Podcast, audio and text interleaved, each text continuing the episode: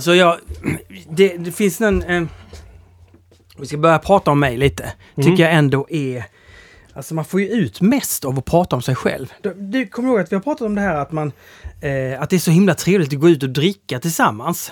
Därför då släpper spärren om att man inte får prata om sig själv så mycket. Och övergångarna behöver inte alls vara eh, snygga. Det spelar ingen roll, man är lite berusad. Man, oh, nu börjar de prata om... Ja.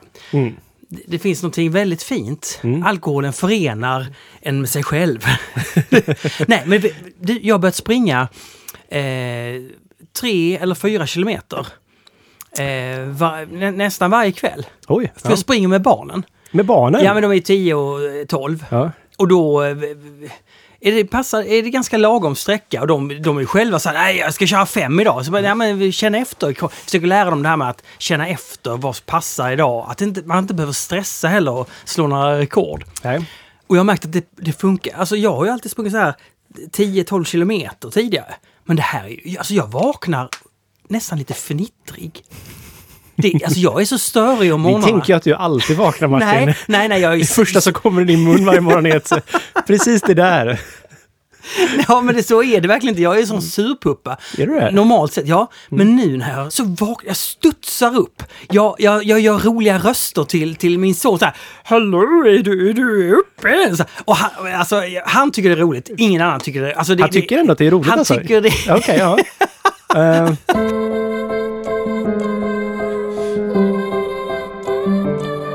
Vet du hur gammal jag var förresten när jag sprang Göteborgsvarvet första gången? Ja, men jag har för mig att du inte var legal, så att säga. Barely legal. Alltså, ja. eh, Eller jag var ju det på den tiden. Nu skulle jag inte vara det. För nu var de åldersgräns. Jaha. Ja, det, Nej, fann, det fanns inte på den Vadå, var du 15, 16? Nej. 18? Nej. Nej, okej, du var yngre alltså? Ja. Va? Ja. Ja, men... Eh, okej, 14. Nej. Okej, nu är jag nära. 13. Nej. 12. Nej. Men vadå? Var du fyra år? Nej. Nej, det var inte. Men jag skulle fylla 11 det året. Det är helt sinnessjukt. Ja. Men du måste ju haft en eh, Kjell-Erik Ståhl-kropp. Alltså, alltså, det har bara funkat för dig att springa. Ja, men så var det. Jag spelade ju fotboll sedan jag var fem också, men jag var ju väldigt mycket bättre på att springa än alla andra. Det var ju som så här... Jag vet inte, kommer du ihåg när man var liten och gjorde sit-ups? Typ så här, man kunde göra hur många sit-ups som helst. Man Ja. blev aldrig trött liksom. Lite så var det med, för mig och löpning. När vi var ute och sprang med fotbollslaget så bara så här... Det låter ju Varför helt... svettas alla och varför är alla så andfådda tyckte jag var så här. Men det är ju helt otroligt. Ja. Men hur är det nu när du sticker och springer? Känner du ändå att du har det i dig eller? ja, det har jag. Men eh, det går trögare och trögare faktiskt. Men, är det, men har, du, har, du, har du en mage till exempel? Har du lite mage? Nu har jag mage, nu har jag lite ölmage. För det, den måste du ändå släppa runt på då, Ja, precis. Jag väger ju mer nu än vad jag gjorde förut. jag. När du var 11, eller vadå? Ja, men jag hade en ganska konstant vikt i många, många år. Men Ja. sen jag fyllde 30 så har den gått upp lite grann. Säger det, säger Ja, det. Ja, Precis. ja, Lite muskler också faktiskt. Ja. Men tar du, äter du gärna lite extra? Mer, lite mer än vad du behöver? Ja, men det skulle jag nog säga att jag gör. Speciellt, vi har ju Evas här i närheten också. Om ni inte vet det så är Evas en lunchrestaurang som är så här riktigt arbetarkäk liksom. Husmanskost deluxe. Jättegott är det. Men det är stora portioner och det är... Jag skulle gissa att det inte är så nyttigt. Men du, där måste jag ändå få lägga in att man måste ju inte äta upp. Nej, det gör, det gör jag faktiskt inte alltid heller. För det, det är fysiskt omöjligt ibland. De har en rätt som är ehm, schnitzel. Den får inte ens plats. De har extra stora tallrikar till det, men den får inte plats på den där. Den hänger utanför liksom. Med bearnaisesås och sådana grejer. Mm. Den har jag aldrig orkat äta upp helt och hållet. Jag brukar ta halva schnitzeln, barnstorleken. Det är så här, då är jag mätt efter den. Ja, det finns ju storlekar på människor storlek. Alltså, då tänker jag storlekar i mat. Alltså, man kan, man, är, tränar man, tar du Challe, han tar ju med sig, alltså Challe på Stigbergets, eh, som, han, han tränar ju varannan dag. Eh, styrketränar, supertufft. Han äter ju en fyra, fem luncher per dag. Han börjar med sin första lunch klockan nio. Sen tar han en vid elva. Sen, och så Ja, saknar Challe. ja, Ja. Det, så, det, så det är så. Men vadå, det här med Evas, är det, är det, nämnde du det för att det var en så att säga en support your locals? ja, men lite kanske. lite, lite så. Ja. Gillar du känslor? Glädje, sorg, ilska, uppgivenhet. Men älskar juvelen av dem alla? Smärta. Då är Solarplexus-tröjan här för dig. När du bär den vet dina vänner var ditt solarplexus sitter. Markerat som en prick. Jajamän. Vi kallar den Narangi-tröjan. För vi vill sälja öl också. Narangi-öl. Med smärta. Smärta. Den kungligaste av känslor. Dina vänner vet var de ska peta dig. Mitt i Solarplexus. De vill ge dig den kungligaste av känslor. Smärta. Ja, smärta. Jajamän. Och nu vet de var de ska trycka sitt pekfinger. Rakt i apelsinen. Narangi-apelsinen. Tröjan för dig som älskar juvelen. Av känslor. En Narangi-tröja är allt jag vill ha. Gör mig ont, gör mig ont, gör mig ont. Gå in på shop.gogobrewing.com. Berätta, har du, du har väl ingen ångest nu när eh, vi har ett virus som spenderar sin tid här i världen? Om man ska vara helt ärlig, jag har ganska mycket ångest i allmänhet liksom. Det är så här, att driva Ja. företag, det, det kommer, då får man ångest. Det är alltid så här. Så att jag tror min så här, ångesttröskel är ganska hög, eller inte tr- tröskel, utan min ångestnivå är ganska hög. Normalt sett. Ja, normalt Ja. sett.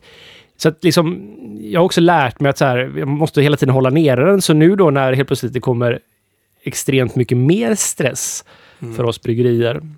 Så ångesten är där, det blir lite högre utan den- det är samma liksom.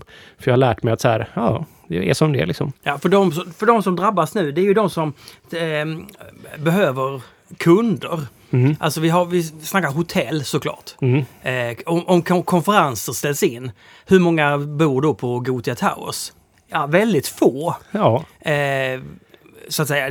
Därför konferensen, det är den som drar folk. Eh, och om inte till exempel krogar eh, om de, de, de sitter lite stilla i båten. Oh, vi köper inte den här veckan, vi har lite kvar, vi har lite fart kvar. Ja, fast krogförsäljningen har ju gått ner extremt mycket. Och det är ju en väldigt allvarlig situation där faktiskt. Ja. Det är hela bryggeribranschen, förutom de stora som har, de sitter nog ganska säkert, men vi små producenter, hantverksproducenter, är- kommer det här bli jätte, jättetufft för. Och det beror, beror framförallt på restaurang att de inte köper in, och så export heller som, som också... Precis, Där- så där- för oss är ju ja, restaurang och export är ju typ 50 procent. För de har ju stängt hela samhällen. Alltså i Italien, Belgien, alltså... Danmark också. Ja, hur... Det, det, där är det svårt liksom att... Mm. Nej, men det är ju för oss är det från, ja, på en månads tid så har 50 procent av vår, vårt intäktsflöde, alltså kassaflöde bara försvunnit helt och hållet. Det är fruktansvärt mycket. Det är jätte- jättemycket. Så att vi, vi är faktiskt en väldigt... Alltså jag tror vi kommer klara det, men vi är en väldigt dum sits. För Mm. att det var ju också så här... Det som gör att det här blir väldigt drabbar... Alltså det är ju hela kedjan i, för hantverksöl som drabbas i och med att folk inte köper öl på krogen lika mycket och att många länder har stängt ner och många bryggerier lever på delvis export och krogförsäljningen. Och när det är borta på det här sättet så liksom in, det är väldigt få hantverksbryggerier i Sverige idag som har, är rustade för sämre tider på det här sättet. För i stort sett alla hantverksbryggerier befinner sig i en expansionsfas och det gör ju vi också. Så vi, vårt mål med det här året var ju att växa med 50 procent. Vilket vi också låg på en produktionstakt som vi faktiskt var på väg mot också. Mm. Så hittills i år så har vi legat på 50 procent mer då än vad vi gjorde 2019. Mm, Vi liksom, efter nyår så tog vi liksom så här, ja men nu har vi ett högre tempo så det har varit mycket jobb och ja, det har varit liksom men det betyder också att allting som, all den vinst vi har i företaget, den återinvesteras ju i bolaget. Mm. Och nu blir det ju extra känsligt för att i början på året så köper man in Ja, dels så framförallt köper man in mycket humlor då som man ska ha. Just man har kontrakt på Man den. har ju kontrakt så man har Ja. avhämtningar på det. Så vi har ju precis gjort våra stora avhämtningar på vår humle. Vi har köpt jättemycket malt. För att Mm. man sparar mycket frakt om man köper Mm. långtradare med malt. Så att vi har löjliga mängder malt. Löjliga mängder med allt. Ja, i, i sammanhang, eller just nu så känns Ja. det som så här, vad fan ska vi göra? allmänt?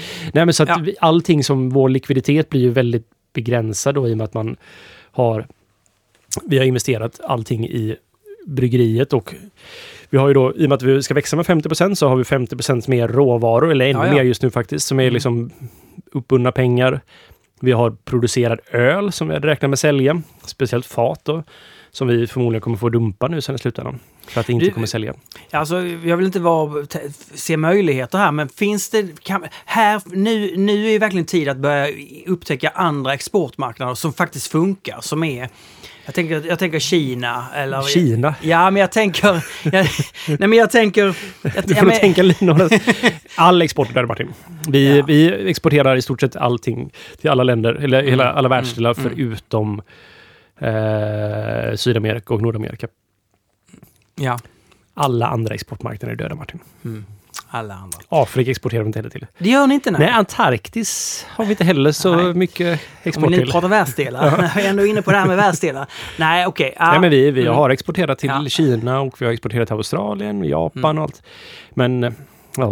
men det är ju framförallt till Europa vi exporterar. Nu, nu lever vi ju i den här, de här, eh, någon sorts... Eh, vi lever i Göteborg och vi är väldigt nära den här verkligheten där det händer. Alltså jag hör ju hela tiden eh, folk som säger nu ska jag, måste jag gå ner på, jag hörde på ICA, nu måste jag gå och käka lokalt här på restaurangen nere vid Mariaplan.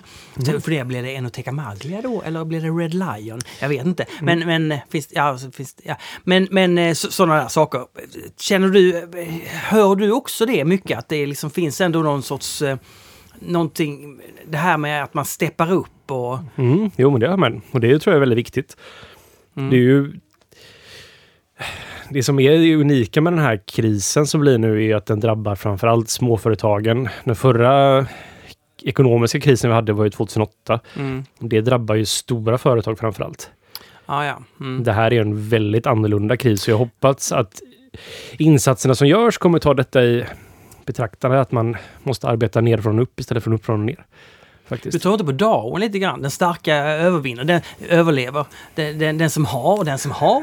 Till den som har ska det vara givet. Först och främst så är det inte sa. starkast överlever Martin. Det är åh, Mm. bäst anpassad överlever. Ja. Ja, ja, ja, men eh, det är väl så. ja, inte heller sant, men Nej. Mm.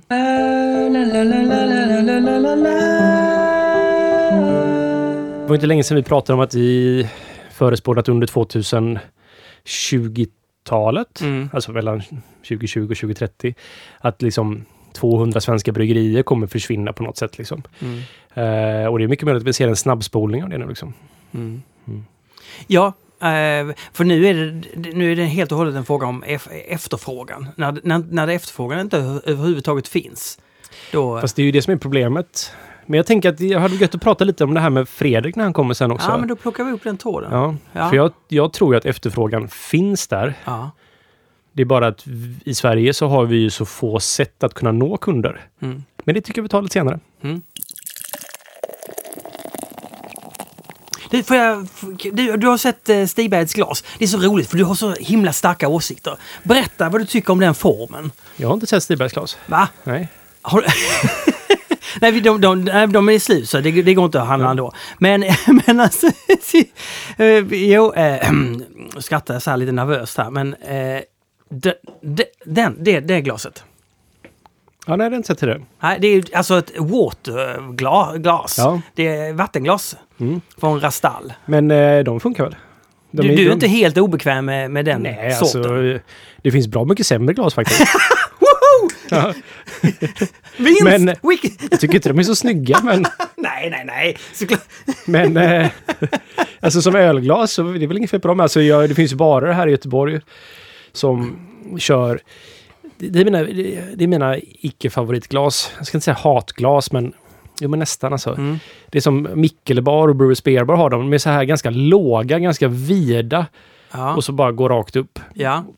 Eller lite snett uppåt liksom. Lite snett uppåt. Det är svårt att hälla, för du vill hellre ha ett lite smalare glas så du kan få liksom en bra Ja. skumkrona. Du vill liksom så här stänga in aromerna lite Mm, grann. Och det där är det som att... Jag vet inte fan vad de tänkte mig egentligen. Mm. Du, skumkrona Ja. nämnde du. Nej, men jag, har själv så här ganska brett glas som har helt raka kanter. Ganska, jag tycker det är ganska mysigt just det jag glaset. också det. För mig, jag, de gla- ölglas som vi har, som vi säljer i vår webbshop, är ju de här modellen Willebecher som var mm, i kontinenten var de väldigt vanliga. Det var ju så här Ja, är man i Tyskland och, så där och dricker pilsner så får man oftast eh, den typen av glas. Och även Italien är väldigt, väldigt vanliga. Och de är ju mina så här, alltså det finns såklart bättre. IPA-glaset är ju jättebra för IPA, det är det faktiskt. Det är fruktansvärt fult, det här IPA-glaset tycker jag. Men det funkar det faktiskt. Hur, ser, hur ser det ut? det, det, alltså, det ser lite ut som en buttplug, om du förstår vad jag menar. Vi har en väldigt smal, Smal botten. för att man ska hålla, och så går det upp så här sen. Uh, det går upp så där sen. Aha! Alltså det ser ju, jag kommer ihåg när de kom så var det verkligen så här. Ja, ja, ja. Jag har, Ja. det har jag sett på Instagram. Ja, det är IPA-glas. Det är framtaget av eh, några personer som kan humle väl. som jag inte kommer ihåg vilka det är. Nej, men det är verkligen, de har inte tänkt på utseendet här, utan de har tänkt på funktionen av att det som IPA ska smaka så bra som möjligt. Ja, men Jag tror Sam Callion... tror du inte ett vinglas skulle kunna funka lika bra? Stänger in det Alltså, liksom. vinglas är jättebra faktiskt, men jag föredrar ju när man har platt botten i ett glas för att man kan slå Ja, ja. ölen lite grann i det. Ja, du kan slå. Vadå slå? Du kan liksom... Nu ska du få! Hälla, Eller ja, men lite så. Hälla lite aggressivt så att den får så här... Hälla lite aggressivt. Ja, Ja, men jag gillar ju att löser upp så här. Jag är ju inte sånt jättestort fan av kolsyra. Alltså kolsyra måste finnas i öl. Det är det du snackar om. Okej, den ska bort. Den ska Ja. lagom bort helt enkelt. Och så som jag ser många hälla upp så här jätteförsiktigt. Alltså det är inte fel. Gillar man det så gillar man det. Ja, men jag jag, föredrar det, att ja. hälla, Nej, men det, slå den ganska hårt helt ja, enkelt. det, det alltså jag tycker ju så här om, om när man dricker en läsk och den är så överkolsyrad så man liksom... Mm, det sticker till i näsan. Nej, det är Nej. inte min grej. Det är, jag, jag, kan ju vara, jag gillar ju platt Coca-Cola till exempel. Jag tycker det är gott. Åh, åh, öh, ja. Det, blir, det kan bli lite för sött kan bli. Så att det är lagom kolsyra alltid bäst. Lagom kolsyra. Ja. Men eh, champagne till exempel, det är inte min grej. Alltså smakmässigt så här, jag gillar ju platt champagne. På Mm. riktigt. Jag, Wow. ja. Jag, jag kan, eh, jag kan swirla runt glaset jättelänge för att bli av med så mycket kolsyra som möjligt. Hmm. Så att... Eh, Swirlar runt glas. Ja, jag hör dig. Jag Ja. hör det väldigt tydligt. Nej men alltså, jag, jag, jag tänker på den här, den här matlagningsölen. Den, det är det svåraste nu när jag håller, när jag håller upp. Alltså jag, jag, märker hur, jag märker hur mycket deppigare jag blir. När jag druckit en enda öl så märker jag att jag är deppigare. är du det? Olle, vad ska jag göra? Jag, jag är alkoholist. Det är bara så. Eh, Ja, ja, det. Nej men Mm. ofta dricker man ju när man, känner man har något litet mörker i huvudet och då är det så gott att bara släppa bort det. Vara lite, och bli lite friare, lite skönare. Mm. Det är så bra liksom. Så att det, jag, jag, i i förrgår så var jag så sugen. Hej, jag ska nog ha något. Men så hoppade jag över det och så började jag tänka så här, nej jag sticker ut och springer med dottern och så. Jo, då, då kan man ju istället hem och dricka ett glas mjölk och äta en knäckemacka framför tvn. Mm, där finns en annan lycka i den, den Mm. typen av... eh, Ja.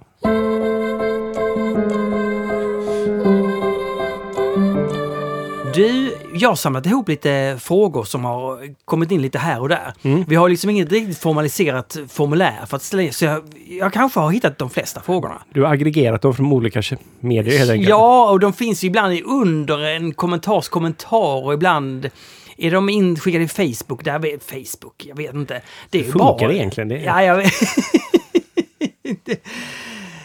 Damn, Jane Brewery. Det är bra längd på avsnitten nu och bra content. Modernt ordval. Jaha, det var en egen. Ja. Men ändå räcker de inte hela månaden. Har ni tips på andra ölpoddar, svenska eller engelska, som ni lyssnar på? Lyssnar du på någon ölpodd? Alltså, jag har försökt. Om man ska vara helt ärlig så har jag försökt lyssna Ja. på...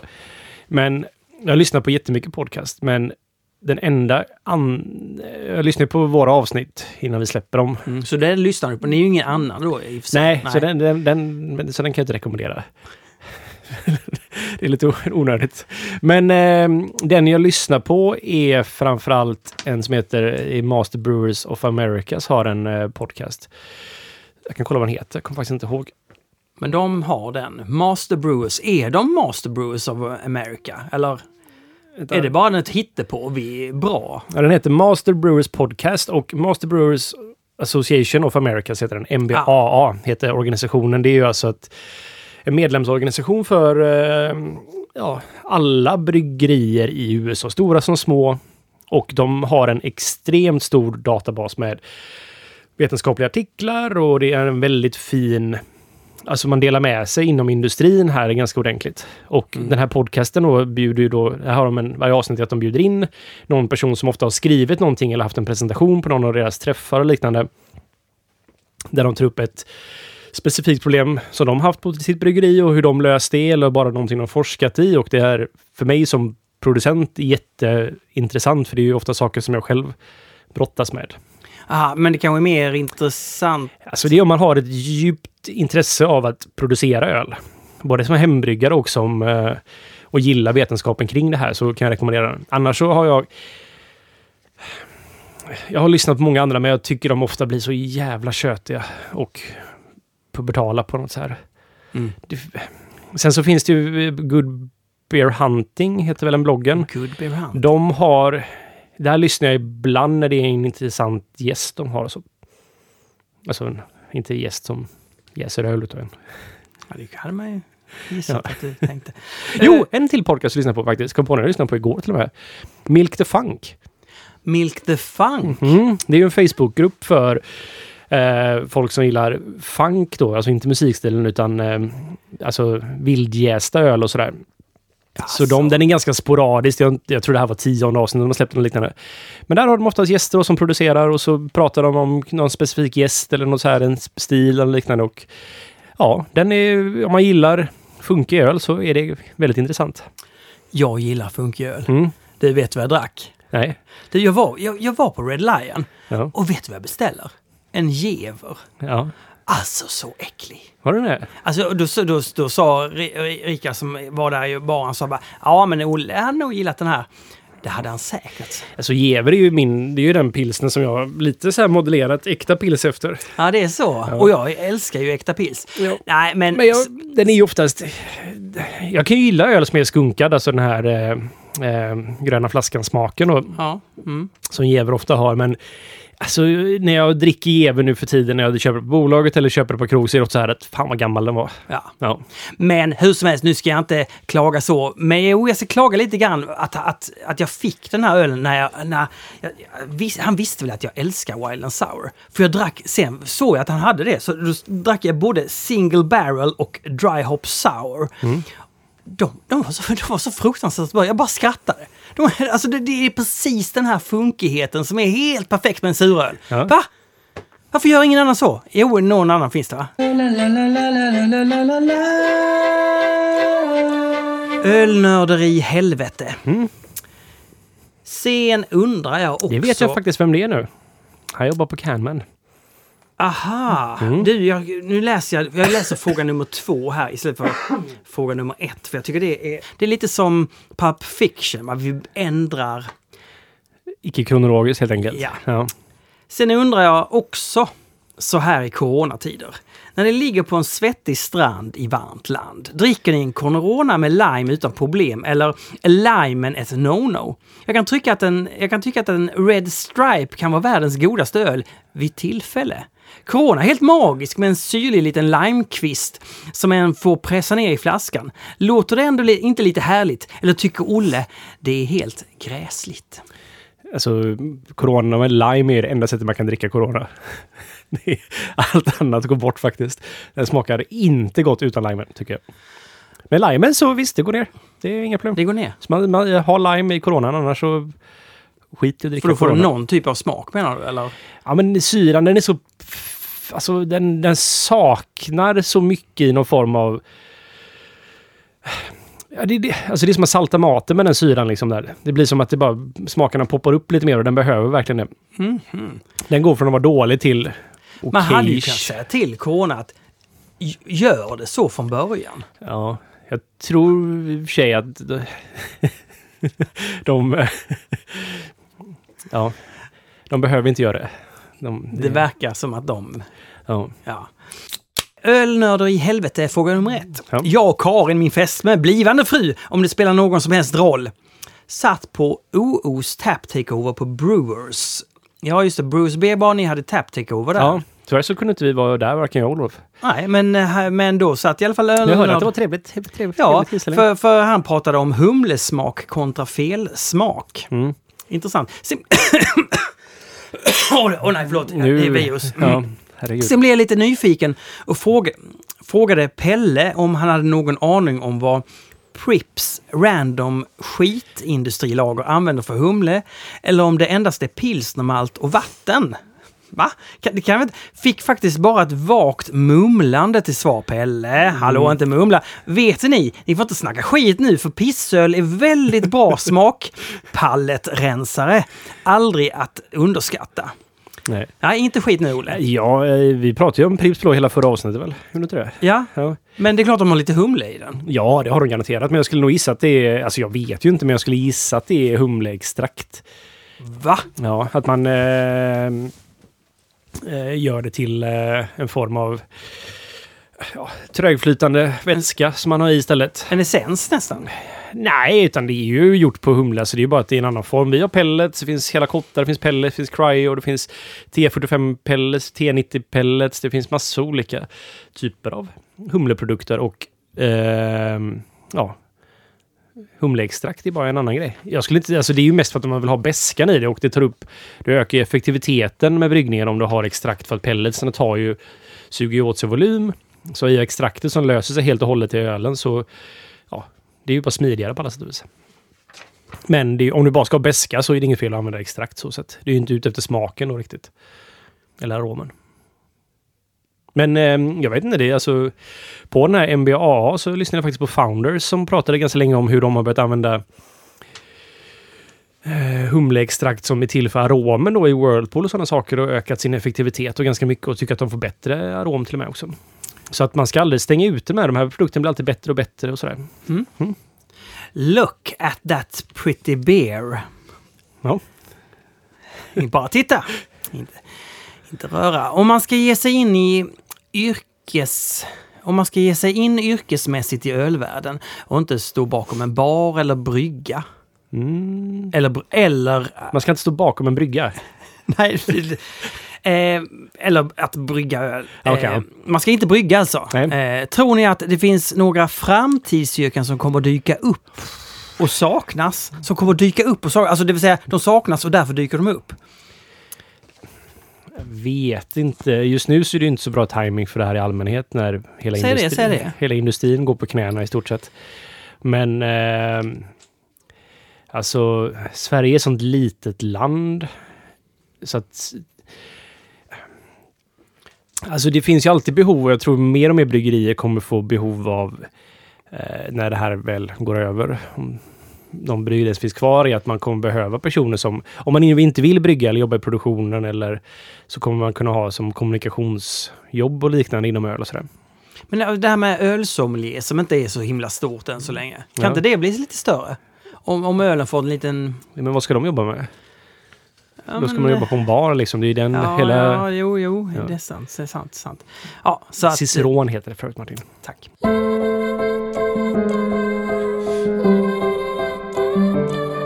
RM Karlsson. Vi planerar en svensexa. Tänkte lägga in ett ölrelaterat event, kanske en ölprovning, kanske en bryggerivisning eller något annat. Krav är att man kan dricka öl. Mm. Har ni något tips? Ja, då måste man ju gå till bryggeri som har någon form av taproom så de kan servera ölen. Annars så blir det väldigt svårt. För vi får inte, alltså man måste ju ha tillstånd för att kunna få servera alkoholen. Så jag har inte så bra koll på vilka bryggerier, men bibliotek, Poppels kanske kan göra det här. Man kan mejla Stigbergets, alltså taproom at stigbergsbryggeri.se så kan man få ett svar, kan man boka upp en sånt event. Det är, Men det är taproom fortfarande så att det är inte några ohemula mängder. Och vi, vi tittar faktiskt på att kanske öppna taproom i dessa tider. För att kunna... Ja, för där är ju en intressant. Hur ska... Där, det har väl, du har haft en och annan tanke på hur ni ska bredda er och få fler ben att stå på? Mm. Eller?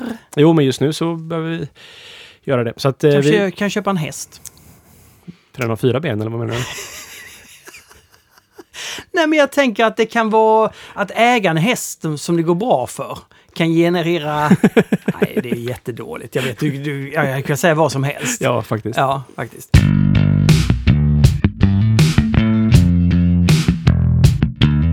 Hej Ölpölen. Ja.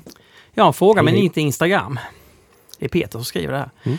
Eh, tänk att jag ställer den här. Det här var nog då Facebook tror jag. Okej. Så då har ju personen... Eh, om jag jäser under tryck, när ölet sedan är färdigjäst, är det helt klart kolsyrat då? Eller behöver man komplettera på något sätt? Hur tappar man färdigkolsyrat och trycksatt öl på flaska? Som hembryggar helst då, men alla infallsvinklar välkomnas. Eh, om man jäser under tryck så beror ju det såklart på vilket tryck man jäser under. Ja, vad menar du? Om man har mycket tryck så blir det jättekolsyrat? Precis. Och har man, men här finns det ju gaslagarna och de här grejerna. det är bara att plugga på. Det är bara att plugga på. Nej, men det finns bra tabeller för det här. Så man kan, jag, min, så som vi gör är att vi jäser ungefär upp till då 1,5 bars tryck och ställer in då en, sin spunding apparatus. Så att den släpper ut och allt tryck som är över 1,5 bar. Och då ligger ju ölen på mellan 22 eller 20 till 23 grader kan man säga. Beroende lite på. Och det motsvarar om det är liksom en IPA, en standard. Här, om man har jäst under tryck så löser sig vätska, men koldioxid, alltså alla gaser löser sig sämre i varm vätska. Så 1,5 bars tryck, om jag sänker det till när jag kallkraschar sen, så åker trycket med det, det sänks med det liksom. Så jag siktar ju på ungefär 5 till 5,5 gram per liter kolsyra per liter. 5,5 gram per liter kolsyra, precis. Eh, och jag spundar till 1,5 bar, kallkraschar och den mängd koldioxid som då löst sig i vätskan brukar vara ungefär 80-90 procent av 5 gram till 5,5 gram. Men här kan man kolla i tabeller så att eh, 5,5, jag kommer inte ihåg exakt nu, men ungefär så är liksom 5,5 gram typ 0,7 bar vid 0 grader. Men när det är varmare så är 5,5 gram typ 2 bar eller liknande. Wow. Ja. Ja, okej. Så funkar det med gaser och temperatur och vätska. Så, Så att- svaret är... Är det... Det beror på vilket tryck, men man kan kolla Ja. på tabeller här. Men jag skulle rekommendera att kanske inte... För det jag gör, sen sätter jag bara tryck på tanken i några Mm. dagar. För vi har ju ändå en veckas tid efter kallkraschning där vi ölen bara mognar och sedimenterar. Och Men då, om man är hembryggare, alltså Ja. ska man kolsyra det i efterhand då eller? nej, men då kan vi du sätta tryck på, för du har förmodligen jäst under i ett fat som är Ja, trycktåligt. jag så då kan du sätta tryck på. Men här är ju bara liksom att, vet du att ölen är noll grader så kan du se vad trycket hamnar på lite grann med tiden. Det tar ett tag för den att komma ner då till den balansen helt enkelt som den har. Och om du behöver mer så kan du alltid sätta tryck på toppen. Och så kommer den lösa i sig tills det blir ett... Så om man vill ha 5,5 gram per liter. 5 skulle jag säga är bra för en IPA, 5,5 är bra för en lager. Nu, smakar du aldrig om den är tillräckligt kolsyrad? Sticker ner tungan bara om det sticker lite så. Oh, här var det Jag kolsyrat. har en apparat för det. Ja, okej, inte tung, tungmetoden. Nej. Nej. Men eh, sen om man ska fylla då flaskor. ja. Då, i- om ölen är kolsyrad när man ska fylla flaska så behöver man en mottrycksfyllare. För att om du går från trycksatt miljö till otrycksatt miljö, till Mm. exempel när du häller upp en öl från en kran, Mm. då skummar ölen. Där kan du motverka Ah. skummandet genom att ha längre ledningar. Ja. För då blir det ett tryckfallet blir längre, eller så här, det tar Ah. längre tid för det och då kommer det skumma Mm, mm, mindre. Så då kan du få ha det väldigt korta ledningar så kommer du alltid få skumma, kommer det skumma mer då från en tapparläggning. Och samma sak när du fyller det, om du skulle bara hälla ner via en slang då rakt ner i en flaska så skulle det bara komma ut skum där. Och där finns det, man kan använda sytrådsmetoden som är att man har den väldigt smal för då blir den här liksom, ja, det är samma princip då där med att man har långa ledningar. Men sen så jag skulle rekommendera mottrycksfyllning som är att man har tryck i flaskan så att det inte blir det här tryckfallet mellan en miljön. Då blir det här liksom, då är det bara när man tar bort själva den här grejen. Och då kommer ju ölen börja skumma. Men då kommer den skumma upp och så kan man lägga på kapsylen på toppen så har man cap on foam. Cap on foam! Precis. Så då trycker man ut det lilla syre som finns kvar där också. Så håller det länge och sådär. Men det, det är väl nog ganska trixigt på hembryggarnivå tror jag faktiskt. Men det finns utrustning för det.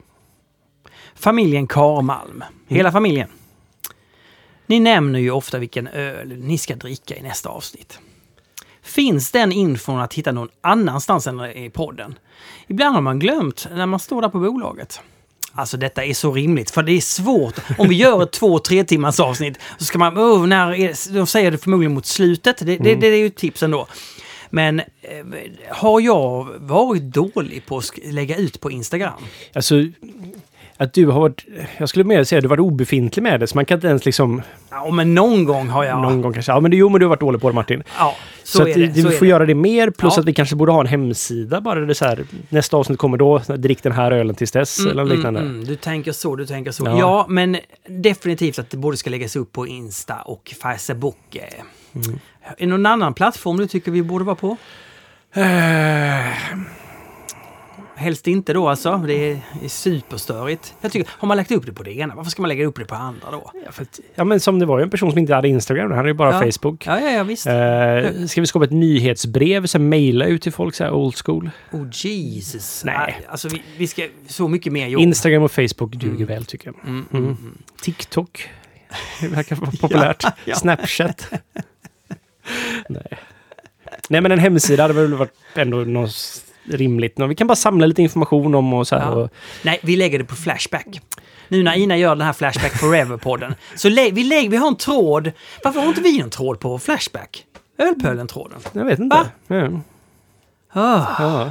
där man kan dis- Känner du diskutera någon som använder Flashback? Eh, nej, men vi får väl själva gå in och eh, skriva. Vi är ju, vi är ju sådana tjommar. Vi kan ju bara gå in och skriva. tycka. Ja. Fast, fast jag vill ju helst att det ska, vara, eh, det ska vara rykten om oss och våra böjelser och så. Det är svårt om vi börjar det då. Alltså vi ska ju vara utanför den tråden. ja men jag kan skriva lite skvaller om dig och Fredrik kan jag göra. Ja. Ja, eh, det ser jag. Blanda Ja. in lite sanna saker och lite osanna saker.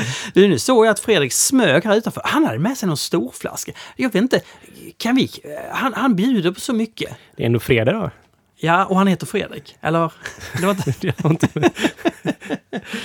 Nej, men vi, vi stänger Men han dricker ju inte på vardagar längre tror jag. Så att, fast jag vet inte, fredag är ändå... Det, nej, men fredag är helt okej. Ja, det är helt okej. Men det kanske måste, det måste vara efter ett visst klockslag. Men vi hade inga mer frågor nu eller? Nej, jag tycker att vi gör det ett lite luftigare, lite lättare avsnitt i dessa... Ja, men jag tänker att det blir ganska tungt nu för jag har en del saker jag vill ta upp med Fredrik Åh nämligen. herregud. Och dig Martin Ja, såklart. okej. Jag ska ta mer, vad heter den här, Chococino. Vi har en italienare här i palatsot som heter Ja. Damiano Beducci. Och han sa så här, Chococino! Och då tänkte jag, wow vad gott det lät när han sa det.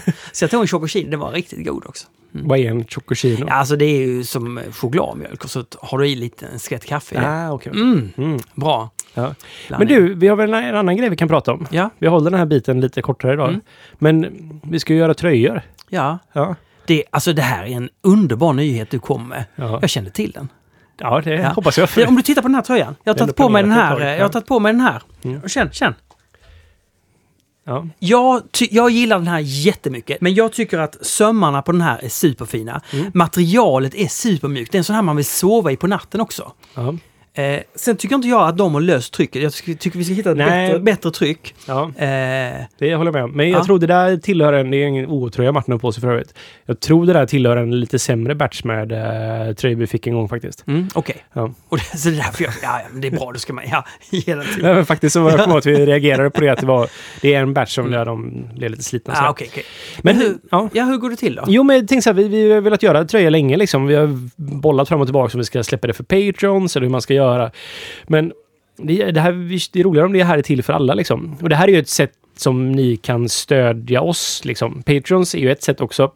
Ehm, men vi vill gärna göra mer med Ölpöllen, så, men vi behöver också då lite pengar för detta för att ja, det är ju framförallt din tid som tas upp från... Du menar att vi ska inte ge bort tröjor som vi betalar för?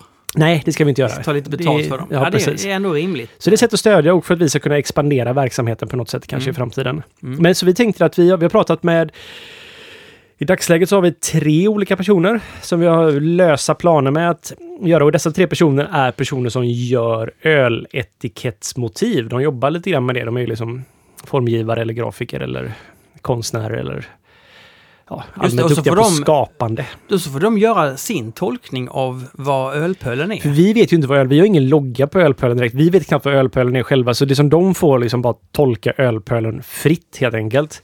Och förhoppningsvis blir det här ett fint motiv. Och så kan vi trycka det på en tröja. Och vi har fått det första nu då från Neil som gör många av Stigbergs etiketter. Bland annat Måsen. Amazing Haze, New ja. and Improved. Ja, liksom det som är liksom mycket Stigbergs stil är då, det är Neil Paling heter han. Mm. Uttalar Ja, jag rätt? ja, det är helt rätt. Ja. Det är super. Så han har gjort ett motiv till oss som vi ska trycka på tröja och vi tänker så här att vi kommer att ha tröjan på en webbshop under en begränsad tid.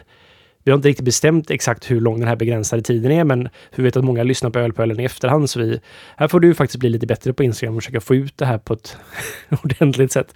Men vi kommer ha webbshoppen uppe så man kan lägga beställningar på, vi kommer ha tre färger blir det va? Ja, tre. Kanske att den här grå också kan få vara med. Jag Kanske fyra färger, vi får se här. vi har, när vi spelar in det här så har vi inte ens gjort hemsidan än, utan det får Martin göra nu innan avsnittet faktiskt släpps då. Ja. Men eh, ja, det kommer finnas uppe då för beställning och vi kommer ta förhandsorder så vi, man betalar för tröjan och så trycker vi precis det antalet som har beställts helt enkelt. Så man betalar, får tröjan lite senare helt enkelt. Mm. Och eh, ja, det är ju för att vi, det är ju så här, jag har ju märkt det med OO-webbshoppen, är så här att vi, åh, vilka roliga färger, det här köper vi in och så säljer vi ett exemplar av den och så blir det så här. Så att vi vill inte sitta med alldeles för många tröjor i olika fel storlekar som vi aldrig blir av med, utan det är bättre att vi tar förhandsbeställningarna. Och då är det så, då har man, att köpa den här tröjan, då har man chansen tills perioden är slut. Vi har ett slutdatum där vi stänger och gör beställningen, skickar ut eh, tröjorna. Precis. Och eh, det kommer bli så att vi, de här pengarna kommer vi kunna använda till att göra ölpölen bättre helt enkelt. Och sen så kommer då konstnären i sig få en liten slant för det hela också. Absolut, Jopp. det är bra. Men det var spännande. Alltså jag, vill, jag, jag vill att det ska vara så här bra tryck. Alltså det, det är... Ja, mm, ja, men det kan vi väl... Ja, nej, men så de blir ju så här och vi kommer aldrig göra dem igen bara så ni vet. Det är liksom så här, det är en gång det här kommer finnas, det här trycket. Nästa gång blir med en annan konstnär som ju också gör öletikettsmotiv. Alltså det är sån stress vi, vi lägger upp Mm. här. Alltså. Det är som att folk inte är tillräckligt stressade. Nej, vi ska ut med den här och stressa upp folk. Bara, "Äh, är, den, ska, jag- är den verkligen något att ha? Tänk, tänk om nästa tröja är bättre. Jag har inte så mycket pengar. Det är, vad, vad tror du den kan kosta? Kan den kosta en, en 300 eller? Jag vet inte. Är det för mycket? Jag vet ju fortfarande inte vad de kostar in att köpa in. Nej, just Så det. vi kan ju kolla på det först Martin. Sen kan vi bestämma vad priset är. Det Men är eh, ni som lyssnar på det här kommer kunna se det på eh, ölpölen. Nej, olpoolen.se har vi va? har vi. Ja, vi hade en gång i tiden i alla fall. Jag undrar om jag inte har lagt ner den. Ja, okej. Vi, vi hittar ett sätt. Ja, Ja. Jajamän, jajamän. Och det kommer synas i de sociala medierna. eh, Och sådana ställen. Du, nu ska vi släppa in Fredrik? Ja, men det kan vi göra. Gör vi det? För Fredrik att komma in och rädda hela skiten. Hallå Fredrik! Hallå, hallå. Hallå! Det är en väldigt solig dag. Ja, det är det. Det är Men det är dystert ändå. Soligt på utsidan. Nej, men alltså, Dystert på insidan. Ja, du, insidan. går du omkring med liksom eh, mörka moln? Ja, men det gör jag. Eh, faktiskt. Vi, eh, jag har ju anställda. Och eh, nu så kommer det drabba oss också såklart. Ja, Så då börjar man tänka vad som ska ske. Och sådär. Det är ju jättejobbigt. ja det är klart. Mm. Ja, men eh, och, och du är, är ju ändå inne i ölsvängen mycket. Hur, hur ser du på eh, hela ölbranschen, restauranger och så vidare? Eller vad, vad tänker du kring det? Jag har massa tankar om det där. Det har bara florerat väldigt mycket de sista dagarna. Och jag vet inte vad man ska tänka. Det, det är bara otroligt deppigt. Och att det inte finns så mycket vägar ut heller i Sverige med alla de lagar och reg- alkoholregler vi har och sådär. Mm. Eh, och så tänkte jag på det jag såg härom, eller igår, de här Dry and Bitter i Danmark. De körde igång så här. Uh, ja men så entreprenörsanda. Så här, men vi tar våran bil och så åker vi ut, man kan beställa och vi kör hem öl till det. Liksom. Så det finns ändå så här, vissa länder kan man ändå så här jobba med lösningar, men det kan vi inte göra här. Nej, Det är deppigt. det är det som känns mest frustrerande också. Den här veckan har ju varit skit för oss. Liksom. Vi har verkligen, både jag och Olof bara suttit ner och bara kollat på allting som vi kan skala bort. Som, inte, som är liksom utgifter vi kan ta bort. Och vi får bara titta på anställda också. Liksom, och även ja, i den mån vi kan så kommer vi behöva permittera anställda för att bara hålla nere utgifterna här de närmaste månaderna. Ja. Så det är inte så roligt liksom. Och det som är mest frustrerande är just att man är ganska maktlös för att Ja. det är så här. Har du Systembolaget som försäljningskanal, så länge Systembolaget är öppet så har du en ganska garanterad försäljning åtminstone. Den kommer säkert gå upp lite grann till och med under de här tiderna. Men vi som har liksom 50% krog och export, där försvann ju det här 50 Mm, direkt, över en natt i stort sett. Mm. Och det, då måste vi liksom bara, typ, och i och med som jag sa innan när vi pratade att så här, vi har också liksom räknat och satsat på en expansion med 50% under 2020 mot 2019. Så vi har ju så, det är så mycket öl som är uppbundet. Ja. Eller våra likvida medel är uppbundna i färdig öl. Eller öl som ska bli till liksom så att... Ja. Mm. Man måste tänka på likviditeten nu väldigt mycket. Ja men verkligen. Och, så det är ju det att ja, vi har ju bara Systembolaget som försäljningskanal nu så att det är ju viktigt att man stödköper öl eller köper Mm. öl från att man kanske väljer bort de stora för de går det ingen större nöd på just Nej, nu. nej, nej. Om vi har hört ryktesvägen så har Spendrups ökat med 40 procent på Systembolaget. Men det har jag bara hört som rykten så jag vet inte om det stämmer. Men På kartan. ja, nej men det är ju, man kanske ska välja bort kvantitet och välja kvalitet istället. Ja. Ja, men, men eh, det har inte gått så många veckor med det här. Kan, vad tror ni? Kan, kan inte ta en vecka till och sen så är vi back on track? Nej, det tror jag inte. Du tror inte det? Nej. Fredrik? Jag tror inte heller det. Det Nej. kommer ju, kommer ju liksom hänga med ganska länge. Mm. Däremot tycker jag nu sist idag och har jag sett en hel del så här debattartiklar som varit så här seriösa diskussioner om, ja men vad är, där både läkare och så här forskare och sånt, bara så här, vad är alternativkostnaden att vi stänger ner eh, hela landet? Eh, nu nu ska vi inte prata om hur man kan lösa för det finns många experter på det här redan. Men vad är alternativkostnaden att vi stänger ner allting? Så som det här, vad det här leder till alla företag som går i konkurs och alla människor som eh, blir av med jobb och mår sämre. Och så här, till vilket pris liksom. Mm. Så att eh, kanske att eh, det vänder om några veckor att folk inser att vi måste kanske leva lite mer än vad vi gör just nu. Jag vet inte. Precis. Och vi pratade om det förut också innan att det här är ju väldigt annorlunda den här krisen för att den drabbar ju småföretagare. Ja, Det som den förra ekonomiska krisen var ju 2008, eh, 2008 och då var det ju stora företag som framförallt drabbades. Ja. Och banksystemen. Men nu går det ju liksom från de små och uppåt liksom. Exakt. Och man måste ju också då ha andra paket eller lösningar för Mm. detta från statens sida som jag hoppas tar det i beaktning att det faktiskt är småföretagen som drabbas värst. Ja, det är ju det. Men sen vet jag inte vad som kommer där. För en del av de här förslagen är ju bara, det är, det är ju bara en lite likviditetshjälp, att man ska kunna skjuta upp skatteinbetalningar sådär. Men Mm. det är fortfarande inget som påverkar resultatet. Det Nej, bara, alltså, det här året är ju ett Ja. lost år på det sättet liksom. Ja. Så att, ehm, nej, och det är Men det är ju som sagt, det är ju...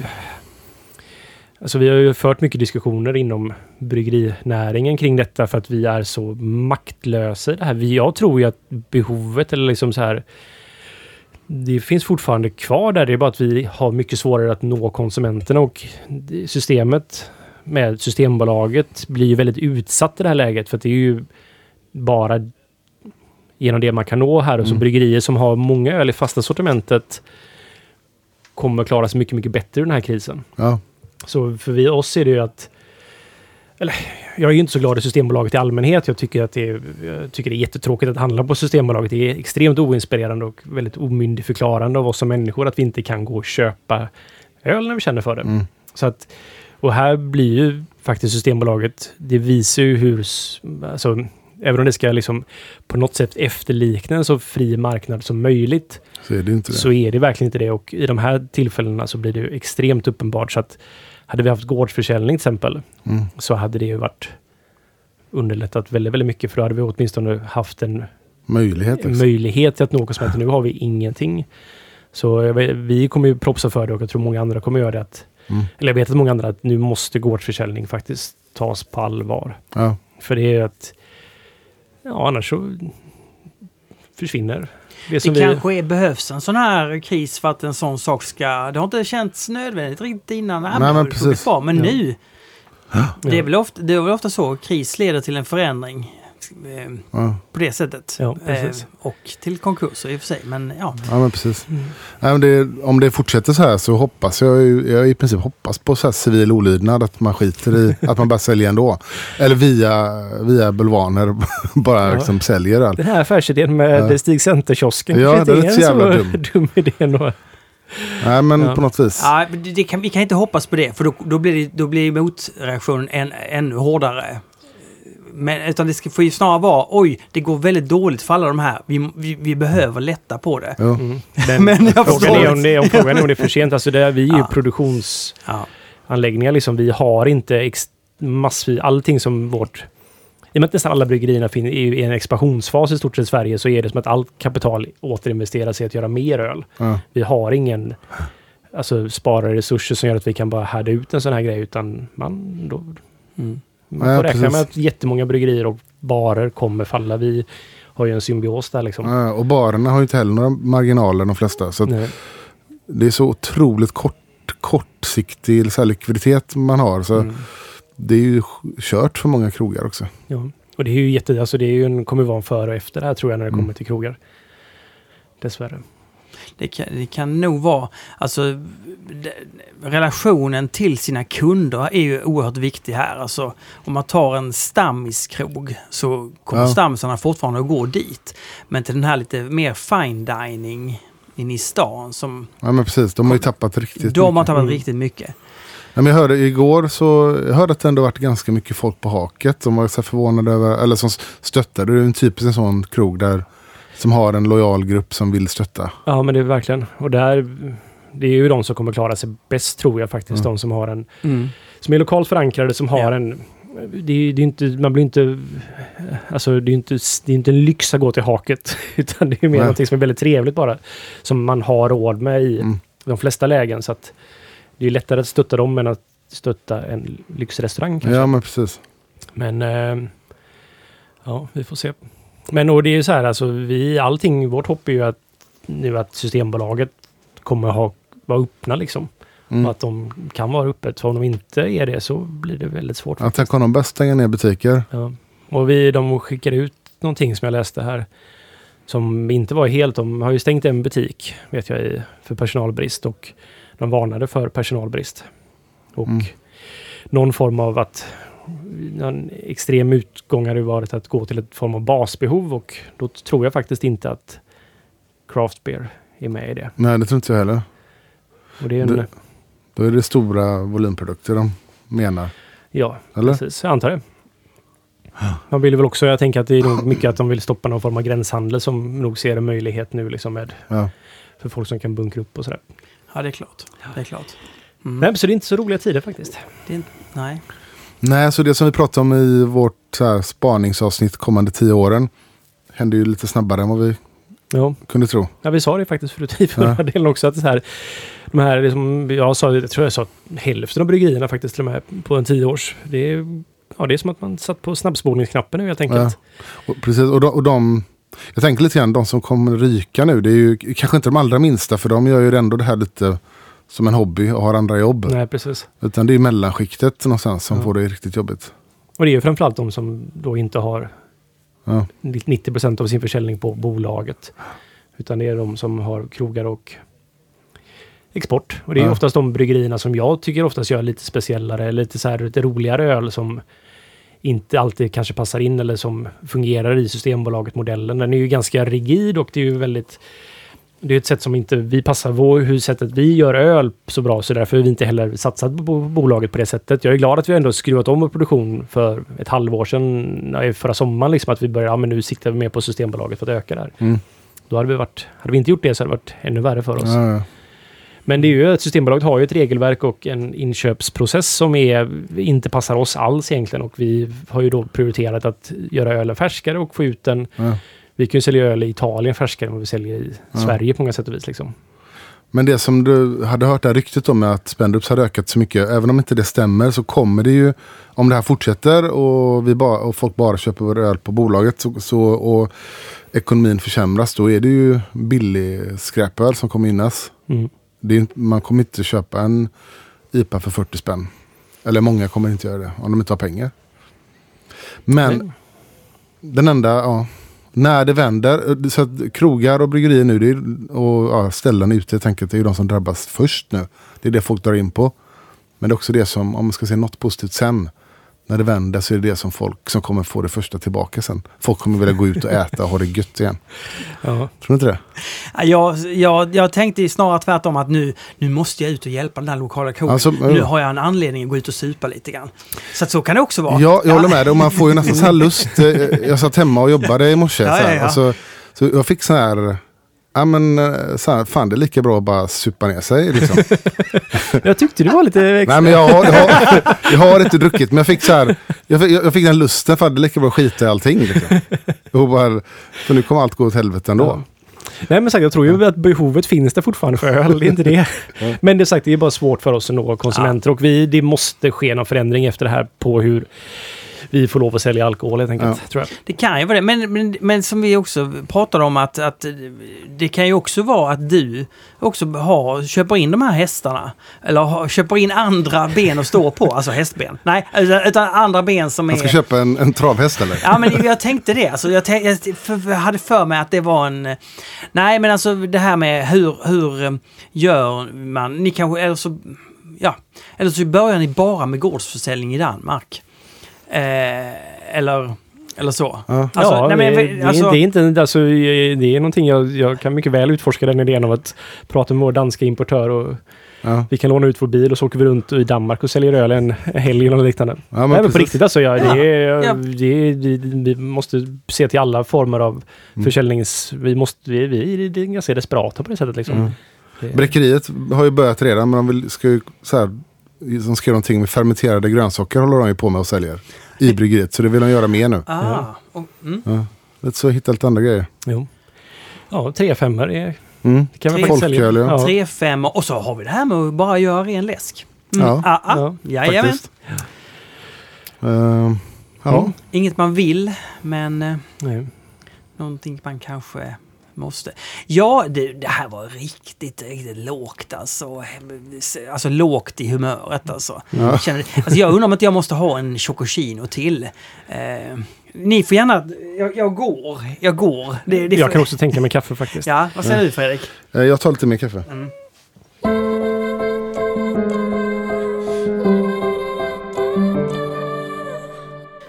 Då muntrar vi upp det här lite med lite sköna frågor. Nu är du med Fredrik, varför? Ja. Jo, för att nu behöver vi ha förstärkning på kunskapsfronten. Kan man säga så, Olle? Eh, ja. Fast eh, det beror på vad det handlar om. Nej, det är upp till bevis. Ja. Tjenare Ölpölen! Älskar er podd, somna alltid den. På ett positivt vis. Ja, På ett positivt vis. ja jo. Inga mardrömmar eller... Nej. Jag och min familj, alltså då snackar vi fru, två tonårsdöttrar Nu samt ser jag en hel familj som bara ligger helt så här utslagna. Exakt, och lyssnar hela familjen. Hoppas de inte lyssnar i bilen bara. samt en treåring. Och min svärfar med hans fru ska ut på äventyr i USA i början på juni, närmare bestämt Kalifornien, den så kallade West Coasten. Mm. Rundturen vi ska ut på är en fyra veckor lång road trip som börjar i San Francisco och drar vidare till Los Angeles, därefter Las Vegas för att sedan avslutas i San Francisco igen. Min stora fråga är, vad får man inte missa i ölväg? Får man följa med förresten på den? Ja, är, det, är det okej om jag hänger med? Jag sitter bak med Privat. barnen, jag kan ta hand om barnen. Ja. Eh, så för att dela upp min stora fråga i två lika stora frågor. Vad får inte jag och Tommy missa? Något bryggeri vi bara måste boka in oss på? Någon öl på en specifik bar vi absolut inte får missa? Varför får, vad får inte jag, Tommy, Jenny, min, min fru eh, samt Sefia, Tommys fru, inte missa? Då är jag ute efter en mer ölupplevelse eller, än en ölnördig upplevelse. Om ni fattar vad jag menar. Eh, mm. Ja, precis. En, det är, alltså, den som har skrivit är en trogen lyssnare. Eh, och också ölälskande hemmabryggare. Och skriver PS, älskar gingen. Mm. Ah. Bra, bra. Men de ska, alltså, och- det var San Francisco till Los Angeles och, ja, och tillbaka. Las Vegas, där Las finns Vegas väl mycket... Nej, okej, men i alla fall, ja. Eh, Los Angeles... Hoppas den här eh, resan fortfarande är aktuell nu. När... Ja, precis. Ja, det vet vi inte än. Ehm, alltså, ja, jag har aldrig... Jag har bara varit i, på östkusten i USA. Så jag har faktiskt väldigt dålig koll. Men jag, hade jag varit på västkusten så hade jag jätte, jättegärna velat besöka Russian River. Mm. Det hade varit någon form av... ehm, Var ligger det då? eh, de har väl... Det är väl i Sonoma Valley de ligger? Sonoma Valley, så har de öppnat ett nytt bryggeri som är nära eh, där. Ja, Eh, ett stort, stort bryggeri. Men eh, för mig... Santa Rosa. Santa Rosa, det är, alltså, det är ju i eh, San Francisco och upp i Napa Valley och så. Det är några mil ja. norr. Eller, Ja. eh, Ja, men det där, det där, det där Beer Hunter. Ja, det, det skulle vara tips om också. Det ska man ju besöka. Jag, Los Angeles har jag ingen koll på. Jag har det aldrig varit där. heter Anchor Brewing Company. Anchor Brew. Ja, för jag, Det, men det, om man är i San Francisco som för Ja. övrigt är så här. Det är ju en, jag har varit där en gång bara men det, det blev så här favoritstad för mig. Jag tycker det var helt fantastiskt. Eh, där ska man ju besöka Anchor. Anchor. Mest för att det är, liksom, det är ju grunden till hela amerikanska liksom, bryggeri hantverksscenen egentligen. Och det är en jättefin byggnad och de har jättebra så här, rundturer. Det är jättevackert bryggeri. Så det gillar man även att besöka även om man inte är ölnörd skulle jag säga. Vilket bra tips. Ja. Mm. Eh, Och sen skulle jag också säga det som eh, Olle sa. Att, och där har jag inte varit, men det är också sånt jag skulle vilja åka till eh, Russian River. Russian River, den ryska floden. Och de har ju byggt eh, ett nytt bryggeri nu som också är så här otroligt vackert eh, nytt bryggeri. Där Alltså, de har, Jag blir så avundsjuk att kunna komma till den nivån när man får bygga sitt drömbryggeri Ja, på det sättet. Så här, Russian River har ju alltid, de har ju växt organiskt tror jag. Det är liksom inte så här, det ägs ju fortfarande av det grundarna. är paret liksom. Ja, Mm. Vinnie Calurso och, jag kommer inte ihåg vad hon heter. Vinny Nat- och Nej. Nat. Hon kallas för, är det Natalie kanske? Fast det heter väl också uh, Får googla. Cantillons, Seans fru eller? Det, det är logiskt är det möjligt alltså. Ja. Men, eh, nej men de inte att det är samma alltså, fru utan att så det de, är, eh, de heter samma. Ja, de hade sin Ja. bryggpub. Sen så köpte de faktiskt eh, vad heter de? Dogfish Heads gamla bryggverk som tydligen var en stort men en... Ja, är det det de har på det nya stället? Nej, på det gamla stället. Det, men det var så här det så de, så de har liksom alltid så här, de har köpt deras gamla som tydligen inte alls var så här så bra tydligen. Men de har ändå gjort väldigt bra öl och det är så här Pliny the Elder är ju en, liksom en definitionen på en dubbel-IPA från amerikanska västkusten liksom. Så det är den de ska dricka? Det är den ölen de ska prova Alltså, att dricka? det- jag tycker de gör Alla deras öl, alla alltså. deras öl är bara gedigen. Okej, men nu har ni tagit två grejer. Kan vi t- bredda det här nu då till något Men, mer? men just det här nya jag måste bara nämna Russian Ja. Nya bryggeri. Det, Ja. Som jag har sett på bilder bara. Det är så, de har ett, byggt ett uh, cool chip som ska kunna göra spontanjästa öl och sådär. Öppna jäskar. Ja, precis. Och jag läste, uh, Garrett Oliver kom inte, var där, såg jag någon så här, något inlägg. Och han har ju besökt ganska många bryggerier runt om i världen. Han sa det var absolut så här, vackraste bryggeriet han har sett någonsin. Så, så det ska man ju Ja. besöka. Det tycker jag. Sen så vet jag, alltså jag har jättedålig koll på alltså, Los Angeles, San Diego, men det är ju ännu mer söderut va? Det, det längre. i San Diego.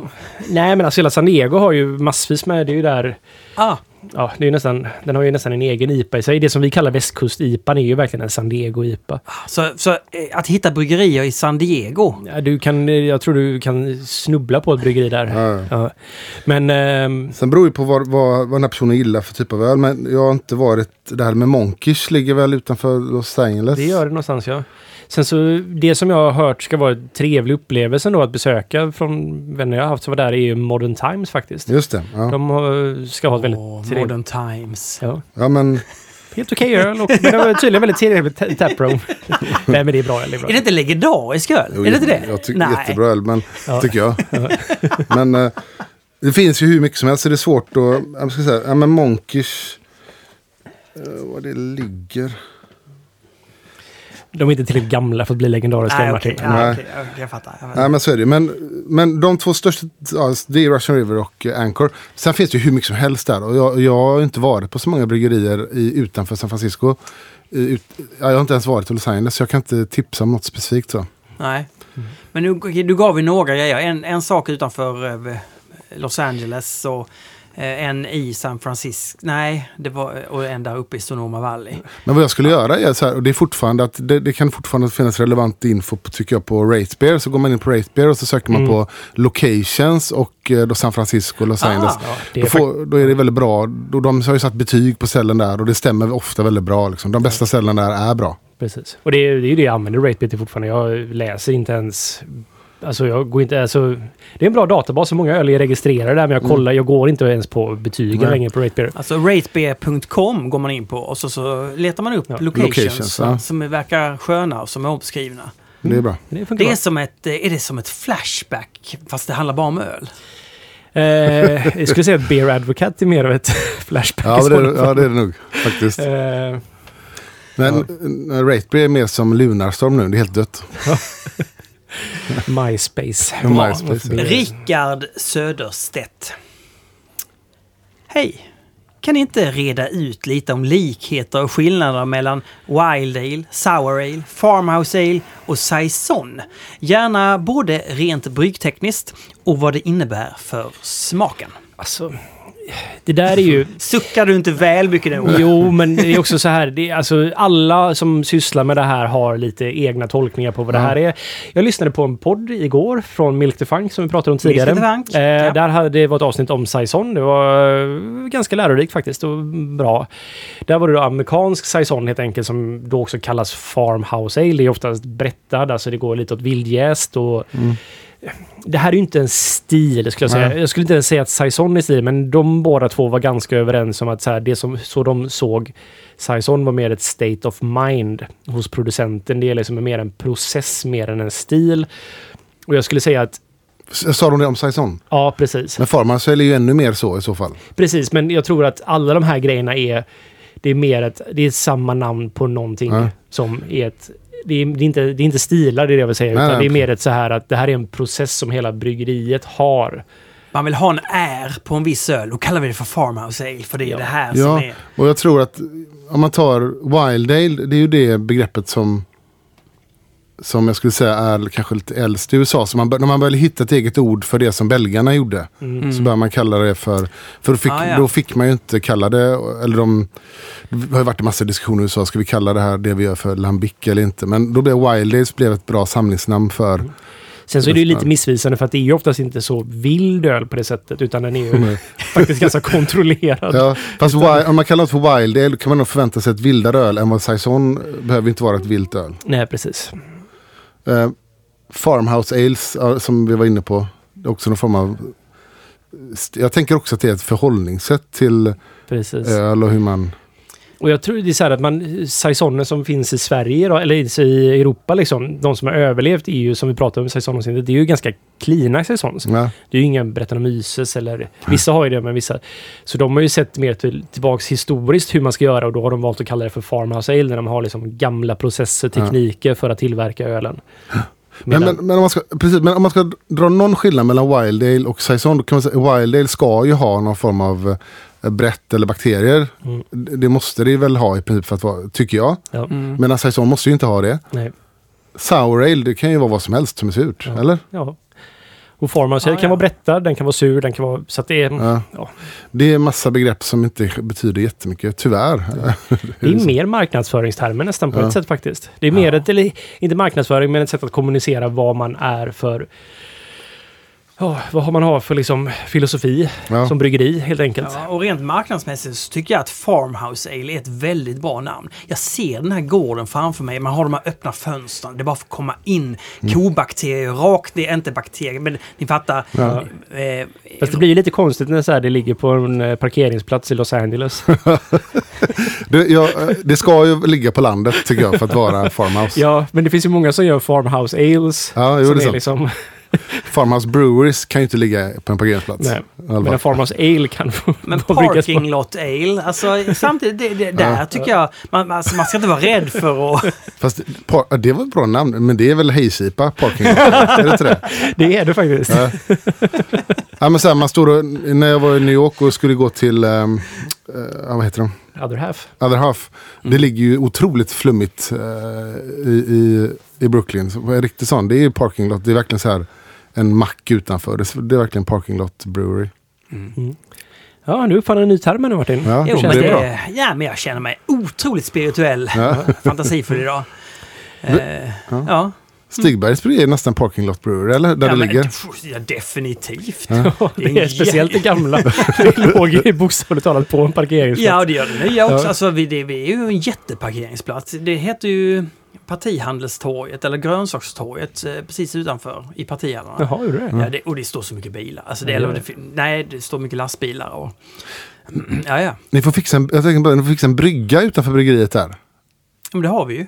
Eller vad? Men, men där man kan stanna till med en båt. Ja, ja, ja, ja. Nere vid älven, ja. Ja. Ja, ja. Eller så. För vi, vi rekar ju lite grann för att nu blir det inget sånt i år. Men ni gör någon paddantur. Och komma upp till, kunna stanna vid Stigberget. Det är så bra. Och då åkte paddan ut. För jag hade sagt så här, där vill vi stanna. Och då åkte de ut och rekade med någon Ja. båt. Och tog kort och skickade till mig så här, äh, utanför Stigberget går det inte att stanna. Så var det en bild på en jävla ruckelbrygga som var fem plankor som var ruttna. Så det får ni fixa.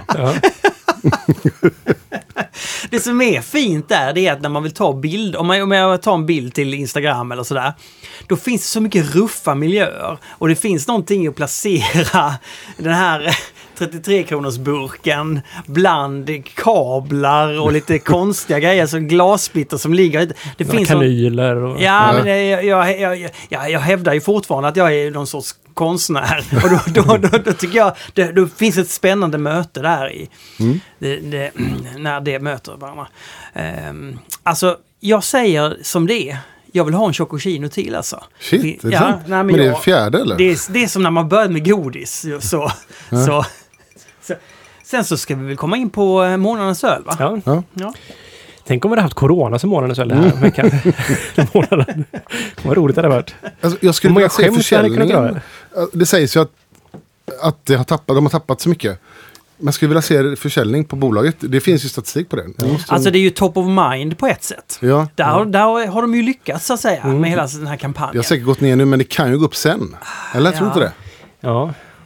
Ja men eh, eftersom vi pratar om det hela tiden, alltså top of mind, det är värt så jävla mycket, även om det är negativt. Va? Alltså, eh, fortfarande pratar folk om Hitler. Alltså, ha, alltså hans varumärke är så fruktansvärt starkt. Han chippade in massor med dåligheter. Men för att bygga sitt varumärke, han gjorde det så jävla Svårt att kapitalisera på det varumärket. Ska ni göra en Hitler Helles nu eller? På?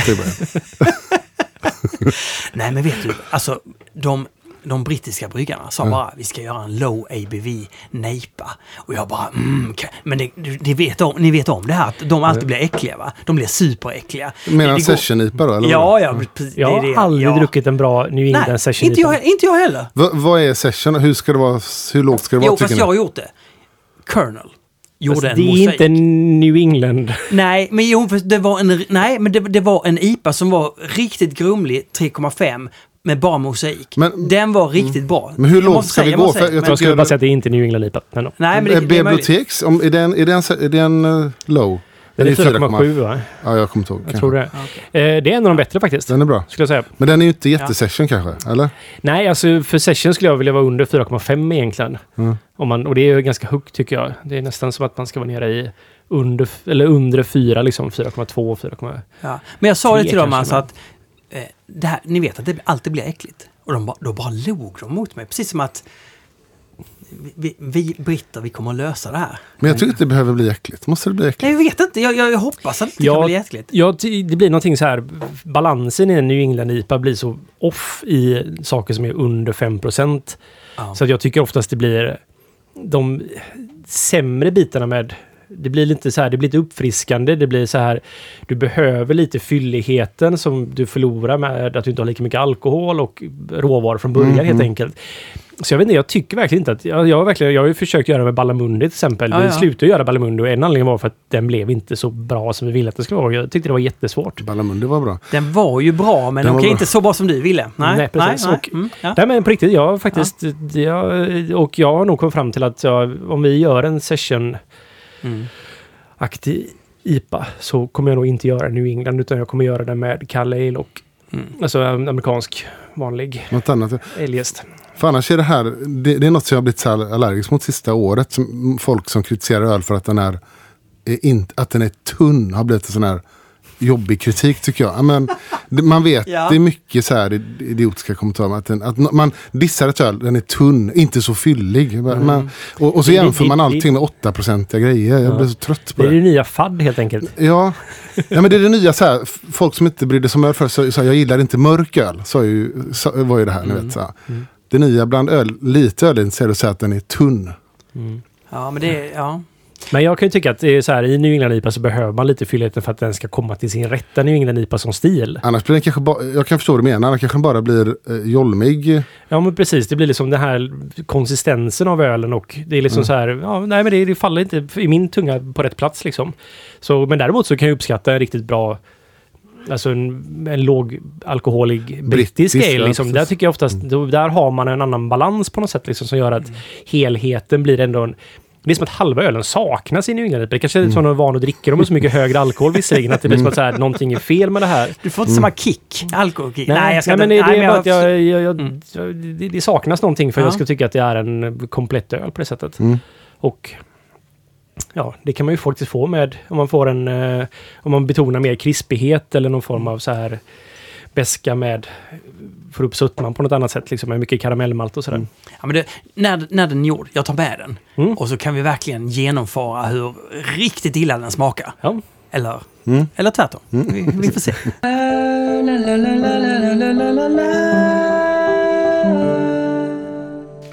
Alltså, det som hände var att du bara sa kom förbi så har jag köpt alla världens vittbiers.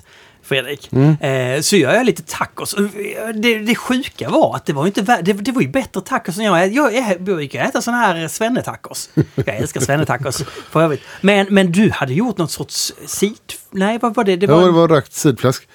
det var så in i helvete gott Ja, alltså. bra. Ja, det var bland det bästa jag ätit. Och just den dagen, jag hade, Ja. jag hade käkat, nej, en knäckemacka eller knappt liksom. Så Ja, men var så här, det var en väldigt god mat att kunna frossa i lite grann. Ja, och att se den här korianderhögen. Ja. Alltså du verkligen, här ska vi, här, det, koriander ska inte ta slut i alla fall. Nej. Ugh. Ja, men vad kul. Ja, men det var gott. Nej, det var- Men frågan är när är, när är tacos tacos? Har du tänkt på det? Eller vad gör en taco till en taco? Nej, jag, Jag vet det- inte själv. Jag bara undrar. Nej, jag, alltså... Mm, jag skulle säga, egentligen säga att majsbröd som man fyller med saker. Men oftast är det ju ett vetebröd man har istället. Det är inte majs. Mm. Eh, när jag köper majs, den här majsvarianten, Santa Marias majsvariant av bröd. Mm. Hela familjen bara rynkar på näsan, spottar ut det. Tycker Är det vad så? är det här för något? Har du provat att göra egna någon gång bröd? Nej, jag har inte gjort det. Nej, nej, nej. nej. Du får, önska dig en sån press när du fyller år. Men, men, Det verkar ganska komplicerat ändå faktiskt. Man ska väl först så här, mala majsen på ett sätt. Man ska först lägga dem i så här bikarbonat. Ja, det har jag gjort. Jag har köpt färdigt majsmjöl. Ah, okej. Och så pressar man och så steker man en stek. Men de, så här, de lägger det typ i så här släckt kalk eller någon form av så Ja, här, det. väldigt så här frätande, alltså basisk miljö. Jesus. För att luckra upp stärkelsen, jag vet fan Ja, vad okej. de gör. Mm. Och sen så har de den här speciella krossen. Coronakrossen! Ja, ja, ja. Det är ju för, Det har jag aldrig tänkt på. Nej. Just det. Nej, jag, nej, det visste inte jag hur det gjordes. Det är ju jag för majs i det, just det. köpt färdigt majsmjöl bara. Ja, men eh, blir det bättre menar du? Att göra det själv? jag vet inte. Det känns roligare. Förmodligen. Mm. Ja, sant. Men det var väldigt god... Jag vet inte, var, var, det, var det tacos vi åt? Jag vet inte. Nej. Det kanske det var. Vi, om det, ja, vi åt ju det i ett bröd fylld med saker. Ja, du menar att det kan heta andra saker som fajitas eller Jag vet inte. Ja, kanske. tordelinos eller... Nej, men du, men... Tror du de har någon sån här BGCP för tacos? Tacos. ja, Stilguider. Men då, då blev det ju alltså en ölprovning. Ja. Med ett vitt bier som är då månadens öl. Va- Alltså, Alltså, Ja. Så mycket vitbier har jag inte druckit på flera år. Nej, inte jag Eller, heller. alltså om jag skulle aggregera ihop de senaste åren så har jag inte druckit så mycket vitbier. för det var väl 18 stycken Ja. varianter vi provade. Precis. Mm. Och en del svenska och sen en del köpt från Belgien då. Ja.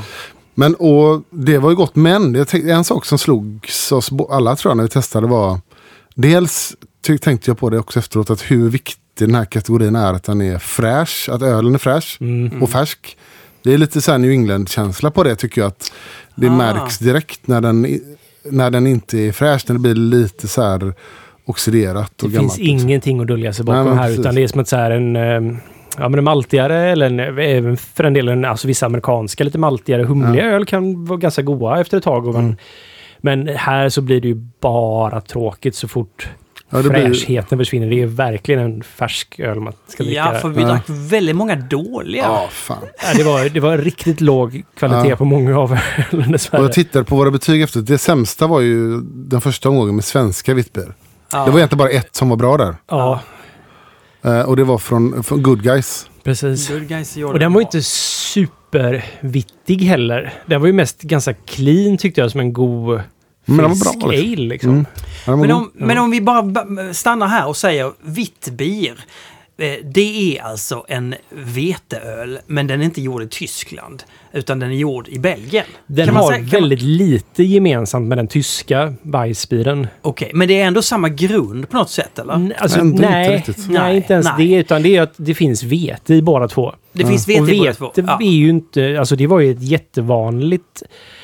alltså kornslag, inte korn då, utan eh, sädesslag att ha i öl förr i Precis. tiden. Ja, det är snarare att vitt det har nästan, om man tänker ingrediensmässigt och sådär har det ju mer att göra nästan med, eller mer att göra med lambic än vad det har med Mm. tysk veteöl att göra. Ja, ja, så vete är bara en liten ingrediens. Men det ger ju nej, men ändå- vete är en stor ingrediens, men Ja. det är det som definierar veteöl. Att I tysk veteöl så är det ju vetemalt, stor mängd vetemalt. Mm. I belgisk veteöl så är det stor mängd omältat vete. Precis. Men, men eftersom Belgien är Belgien och inte följer renhetslagarna så har de ju kryddor i och det är omältat Mm. vete och även omältat havre i. Då. Och där de klassiska kryddorna är någon form av typ pomerans, alltså apelsin, eller alltså skal av citrusfrukt. Ja. Vi det snackar lite om vad det är Koriander. för någon, Och så ja, korianderfrön då, liksom inte koriander själva Jag googlade lite om pomeransen. Vi kan Ja. snacka om det, vad det, kom, vad det ska vara eller vad det heter, var det kommer Ja. ifrån och sådär. Så det är ju stor skillnad från Belg- eh, tysk veteöl. Det smakar ju väldigt annorlunda också. Precis. Och det som gör tysk veteöl, tysk veteöl är ju framförallt jästen tycker jag. Ja. Men det är en väldigt, väldigt unik jäst som de använder det som är det som, det är inte vetet som gör karaktären på ölen utan det är ju mer Aha. jästen som gör det. Ja. Och det är ju lite samma då med belgisk veteöl att den jästen är ju mer belgisk såklart då och drar mer, alltså det är ju lättare saison nästan på ett Ja. sätt liksom i, fast det är inte lika... Det är ingen saisongäst, men det är Nej, något... men det är, inte, det, är inte, det är inte lika uttrycksfullt med saisonjäst. Det är kanske inte lika torrt heller. Nej. Men sen så är det just kryddorna, så det är väldigt lätt öl och den har verkligen jättelite med tysk veteöl. Så det är, Ja. man ska verkligen separera de två som, och inte dra paralleller mellan dem, utan de är på varsin sida. Ja men precis. Och idén att vi skulle prova det kom ju lite grann när vi pratade om, vi nått, det var det här trendspaningsavsnittet. Så sa Olle i slutet att eh, vitt bier ville du dricka mer av. Eller något sånt Precis. där. Eller då, det är en öl jag tror kommer få lite Ja, tillbakagång faktiskt. och när man bara tänker på vitt jag- och jag håller med dig, för att det är intressant med vitt bier att det var en sån här extremt trendig eh, på dryck bland unga i, i Belgien och Frankrike på 90-talet. Det fick ju sin Aha. sin revival i slutet på 80, 90, under 90-talet. Det, och så tänker man, om man tänker på vad en vitt bier smakar så har den alla förutsättningar att kunna bli populär. För den har låg beska, den är frisk, den är fräsch. Den Låg är alkohol. låg alkohol, den är hazy, vilket många gillar idag. den har liksom, den har många av de här kvaliteterna som gör att den är ganska lätt att ta till sig om man inte gillar eh, liksom en, en om man, om man är ny in i ölvärlden och inte gillar eh, stor stark liksom, så är den en ganska lätt öl Mm. och frisk. Liksom och så så att, eh, den har ju alla förutsättningar men har inte riktigt tagit fart. Tyvärr, i Sverige. Nej, och det är väl alltså saker och ting går ju upp och ner när det kommer till trender och det är nå- någonting i mig som gör att det känns som att vitt bier kommer komma tillbaka. Ja. Jag kan inte riktigt sätta fingret på det, men det är väl bara någon så här tentakel som säger att det finns någonting här. Men det, då måste den ju vara bättre än det vi drack. Alltså det, må, det måste finnas någon... Ja, men vi- Absolut, men vi ska Ja. prova en idag. Den här som faktiskt fick bäst som har jag med idag. Vi kan prova den här. Så. ja. Eh, Men, men jag vill också säga att jag vill att det kommer tillbaka, men så vågar jag inte riktigt säga det. För jag hittade hemma så här gammal, jag skrev öl, eh, tipsade om sommaröl i eh, ett, en tidning som heter Rest, Restauratör, nej en restaurangtidning. För det här var ju massa år sedan. ja. nästan ja, 20 år sedan. Och där skrev jag också, det var här uppslag så här, veteölen kommer nu starkt. och det gjorde den ju såklart inte. Så jag vågar inte säga att den kommer, men man kan hoppas det. Jag Han har fel som alltid. Ja, men jag, jag tycker det är okej att s- spå om sådana saker man önskar också. Ja. Ja. Ja, Jo, men det här är lite mer, det är mer en önskan. Det, det, det känns som att det finns någon form av... Det, det finns någonting i veteöl som jag tror ändå kommer göra att det, det funkar. ja och det, det, det som jag tänkte på det är att det finns något spännande med den. För det, fick, det kommer in lite andra smaker som man inte annars får i öl. Ja. Som, är, som är väldigt... Eh, men, men alltså...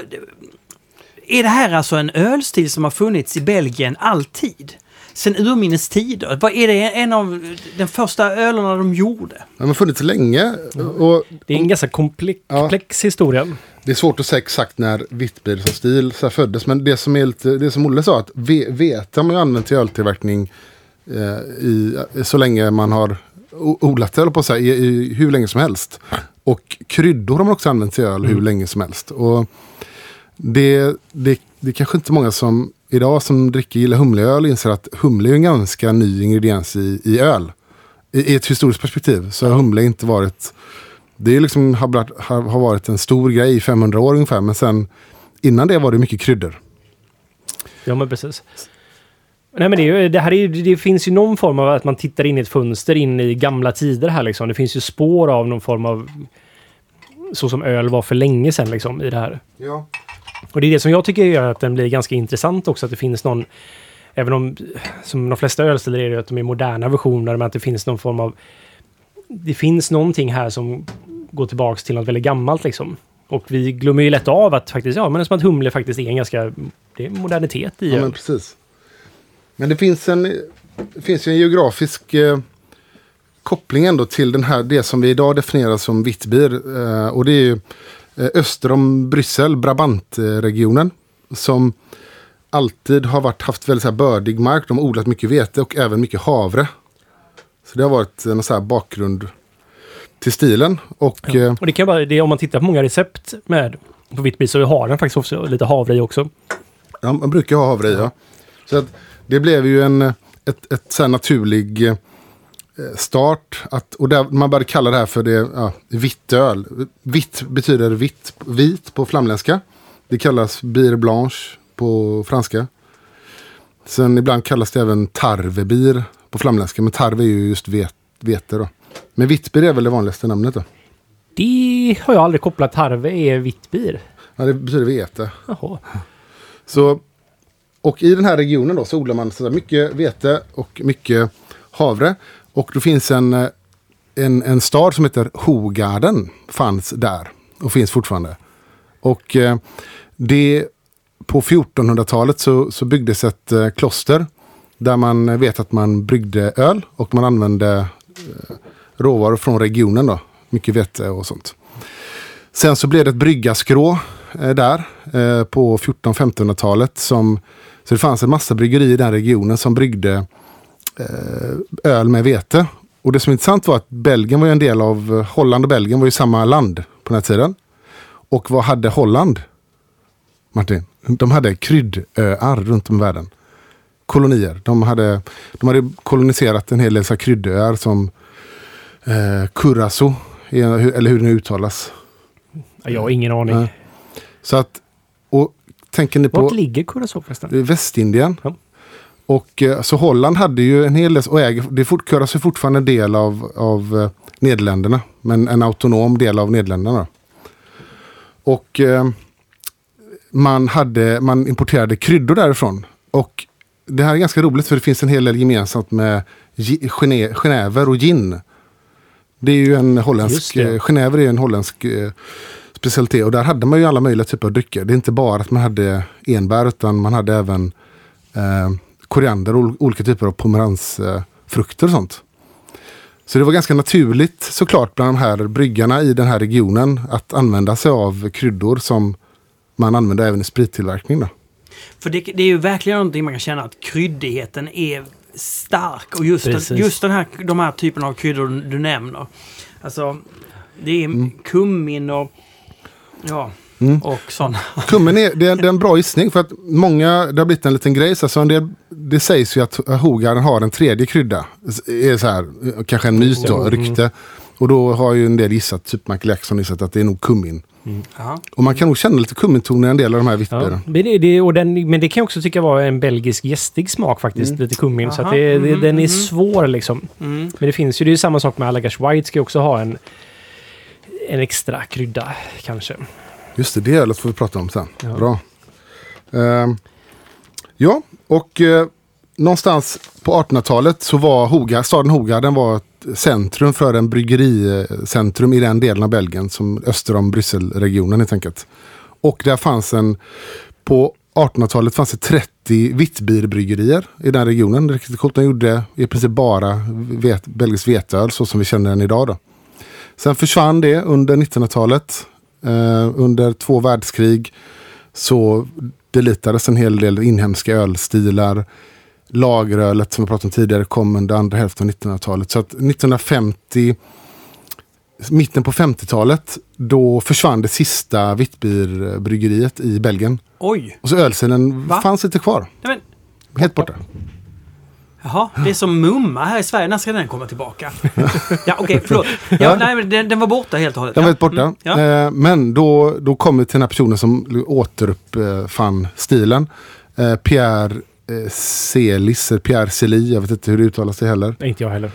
Eh, han bodde i Hogarden, var en, han var en milkman faktiskt i Hogarden. Och eh, hade jobbat extra på bryggeriet Tomsin hette det sista bryggeriet som gjorde veteöl. Som låg i staden Hogarden. Han hade jobbat där. Han saknade ölet när det hade lagts ner. Och eh, i mitten på 60-talet, typ tio år senare, så köpte han bryggeriutrustning och började göra eh, ja, vitt bir igen då. Enligt så som han mindes att det gjordes på det här bryggeriet. Han hade jobbat, eh, jobbat extra inom produktionen där också. Så han hade lite koll på hur man gjorde det. Eh, och Han... Jag vet inte om det smakar ungefär som det gjorde på den tiden. Nej, det svårt att säga, men han har ju sagt mycket saker om hur, vad som hände sen med Hogardenölet då. Så vi kommer in på det. Men han, han startade det här bryggeriet som hette, nu kommer jag inte ihåg, men hette som Klostret, hette det, vilket var en hyllning till det första så här, bryggeriklostret som fanns i staden Hogarden. Och hans öl eh, kom att heta Hogarden. Pierre Celie då. Och Hogarden känner de flesta till. Det är ju så här, någonstans det som gjort den här stilen känd i världen. Det var ju faktiskt den som vi hade som öl Ja, men till det precis. avsnittet. För att det är den som verkligen har populariserat Ja, stilen igen. precis. Ehm, han drev det i 20, eller han drev det längre, men när han hade drivit i 20 år, då hade det blivit ganska stort och var det väldigt populärt. Då brann bryggeriet. Och han behövde kapital för att bygga upp det igen och tog in eh, Interbrew, hette det då. Det som är AB InBev idag. Ja, det blev sen Inbev när det köpte upp ännu mer. Och sen så har Anheuser-Busch då, AB, gått ihop med Inbev. Så det är AB Inbev nu. Precis. Världens största bryggerikoncern. Så han tog in dem, vilket han sen då, han har ju pratat mycket om det här och skrivit en bok om det. att Det kommer han ju att ångra. Eh, för de, ja, det blev någon konflikt där, hur de ville göra ölet och hur de ville popularisera det som inte var i linje med vad han ville. Marknadsundersökningsgrupper Ja. kanske. Förmodligen. Eh, ja men precis, så han, eh, vilket innebar att han lämnade, köptes ut helt och hållet eh, 1990. Och vad han gjorde då så flyttade han till Texas av alla ställen, Austin, Texas. För att han hade vänner där. Det är också en väldigt belgisk grej att göra. Ja. På något sätt. Ja, Det är helt i linje med en belgare tycker det är jag. linjen med Belgien. För att, och det här fick, var ju många som skeptiska. För att på, på den här tiden, 90-tal, eh, 92, då fanns ju, det här var ju verkligen i begynnelsen av amerikansk craft beer, eller innan det blev stort och sådär. Det fanns ju verkligen inga bryggerier i Tex Texas var ju det minst bryggeritäta området i USA. Ja. Där, där var inte riktigt hantverksintresset liksom. Det var ju på kusterna och sådär och Colorado och sådär. Så att han hade ju tufft liksom. Och, men det blev ändå, han blev, ödet blev så kultförklarat. Det hette Celis White, förlåt jag glömde säga. I Texas då? I Texas. I Texas. Okej. Och då ville han återskapa så som eh, hans, eh, det gamla Hogardenölet var. Ah. Vilket delvis var faktiskt var, det var primärjäst med en belgisk gäst och sen var det eh, eh, laktojäsning en vecka. Mm. Pasteurisering och sen ny jäst till. Så det hade en liten syra också, en liten lätt syra. Liksom. Den här tillverkningen hade ju Hogarden lagt ner sedan länge. Och gjort det enklare ölet helt enkelt. Men är det så att han hade i början när han startade sitt egna, hade han den typen av process då också med laktosugning då? Det Eller? har jag inte hittat någon information om, så jag vet faktiskt För det här är också när jag alltid funderat lite grann på, för det är lite oklart där om han gjorde den så som han gjorde Hogarden från början. Eller om Mm. det här var liksom en utveckling av det. Jag, jag vet faktiskt inte. Nej. Men, men han ändrar ju ändå en del när han startade Celis White. Han hade amerikansk han hade Cascade i den. Mm. Bland annat. Så att han gick ju ändå ifrån en del vad, hade, vad han hade gjort i Belgien tidigare. Då. Eh, men det, ble, det fick en så här kallt following. Eller det blev ett så här väldigt så här eh, coolt öl. Celis White blev, eh, blev grejen. Och, och att, nu kan inte jag storyn bakom Allagash White. Men det måste ha varit inspirerat av den. Det jag. antar jag att det är. Se, men se, finns Celis White idag? Nej, Jag, Nej. t- jag tror inte det. Nej. I så fall som ett varumärke. För det har ju sålt som varumärke. Ja, precis. Så att jag, jag tror de försökte återuppliva det för några års, det är ganska länge sedan nu. Hans med- dotter va? Ja, något sånt ja. Men Som, jag tror att det lades ner igen. Det lades ner, ja. Precis. Sen så vet alltså Allagash White är ju... Jag har bara druckit den vid och det är ju gott. Men det är ju eh, Allagash i Maine ligger de. Alltså nord... Östra USA långt upp där mot Kanada, gränsen mot Nova Scotia. Och då, det är ju deras... Alltså Allagash är ett jättebra bryggeri. Fruktansvärt bra bryggeri. otroligt bra. Ja. Eh, och deras, jag tror det är säkert 50% av deras produktion är Allagash White som är då en eh, belgisk, Belgian Wheat Ale. Ja. Och eh, ja, den är otroligt bra. Jag har, Mm. druckit den. jag har bara druckit den en gång men den var ju fantastisk. Nej, men och jag vet inte om det, det är väl inspirerat av... eh, Det måste vara inspirerat av... Ja, Hogarden på något sätt och då Celis helt enkelt. Men de gör ju, eller de, nu har de väl ändrat lite, men de gör ju nästan bara belgisk inspirerad öl. Men- Men, Allagers. Då stack han från Belgien till Texas och då fanns det ingen kvar i Belgien. Då, ingen gjorde vitt. Eller? Eller? Hogarden levde ju kvar. Hogan levde kvar. De levde kvar och fortsatte göra vitt. Ja, Och, och- så blev och- bara och- sämre och sämre och sämre. Och så blev det ett antal andra belgiska bryggerier som började göra vitt. Det blev även Ah, ja. populärt i norra Frankrike var det flera bryggerier som började göra den här typen av öl också. Okej, så att det fick ett litet fäste ändå. Ja, det fick det. Ja. Kronenburg Blanche, Ja. det, det, är, en- det är en vitt bier utan kryddor? Eller? Nej, det, den har kryddor fast den har ju... Det är ju där man känner att det är, inte, att det är förmodligen eh, någon form av eh, essenser. För den blir ju liksom bara parfym artificiell. Ja, Den ska, ha- det står ju på att den har koriander i sig. kanske det är. Och, men den, den är mer att det smakar parfym liksom. Och den är väldigt söt. Och sådär. Parfym och det låter jättegott. Ja. Men sen så det som också gjorde populär, stilen populär i USA var ju att Millers Course eh, skapade ju ett det. öl inspirerat också av, eh, När Det. gjorde de det? jag vet inte vilket år det kom, men Var det efter eller innan Celis flyttade till Texas? Jättebra fråga. Det vet jag inte. För den är ju, för det är ju collegeölen nummer ett Ja. liksom. Så här, det var ju Blue Moon. Blue Moon ja, vi kan få googla det. Det, kom. gjorde en eh, öl som Ja. heter Blue Moon. Som var en, de kallar det för Belgian, Belgian Ameri Belgo-American Style Whitbeer. För Millers, är är Miller Light Mill, Millers största succé eller? Det antar jag att det är. Borde det vara. Oh, vad bra. Oh, Jag tror inte det är Miller Dark eller Miller Heavy. Nej. Nej, okej. Ja. Och eh, ja, så att eh, det är, det är ganska intressant, det vi har pratat om tidigare, när, när belgiska, eller europeiska ölstilar rättare sagt togs upp av amerikanska hantverksbryggerier. Så då var det faktiskt inte, jag tror jag är ganska säker på att Millers var före eh, Allagers. Skulle jag misstänka. Det skulle jag också gissa. Så att i, i det fallet, Whitby var ju inte en stil som direkt togs upp av en massa bryggerier. Nej. Egentligen, det kom lite senare i USA och har väl aldrig blivit en jättestor stil där. Nej. Alltså jag vet, alltså Blue Moon är ju jättepopulär och det Jo. är den ju fortfarande. Men Jag vet inte om den, jag har aldrig druckit Blue Moon. Är den, jag trodde länge att det var en tysk veteöl faktiskt. Ja, nej, den, den är bäst fast den är ju inte rolig alltså. Nej, det kanske inte är. Det, det, den påminner ju lite om... eh, Men jag antar att det är en väldigt bara enkel öl som eh, unga och personer gillar att dricka för att den inte har så mycket motstånd på något sätt. och är Liksom. ganska söt. Ja. Och ganska så här, artificiellt parfymig. Ehm, ja, så att ölstilen... eh, ja, i alla fall. Så han gjorde det här i Texas och efter några år så gjorde han ju om samma misstag igen. För han, det här blev, hans bryggeri växte där, det blev populärt, men han saknade kapital igen. Och vilka tar han in då? Som, som eh, Anheuser Busch kanske? Ja. Nej, förlåt. Millers Course. Annars Busch var ju det han sålde till i, i Belgien. Ja. Millers Course. Fast det var ju inte Anheuser Busch på den tiden. han gjorde det. Nej, inte Brew. Ja, ja. Men han tog in eh, 95. Köpte Millers Course en, en majoritet i bolaget. Och sen gick det samma väg där så blev han missnöjd med dem också efter några år. Och lämnade även Celis då. eh, Sitt egna, sin egna skapelse. Sen la Millers Course ner, ner bryggeriet och de sålde varumärket till ett annat eh, amerikanskt bryggeri som gjorde eh, White under några år. I början på 2000-talet där. Rörigt det här alltså. Ja, jätterörigt. Och, så han har ju gjort ett par riktigt så här... Man ser lite vad som händer där. Han har tagit in eh, storbryggerier vid två tillfällen och båda gångerna har de kört det till en viss nivå och sen eh, ja, inte i den riktningen som han var nöjd med. Men jag tänker att han är ju duktig på... eh, Alltså...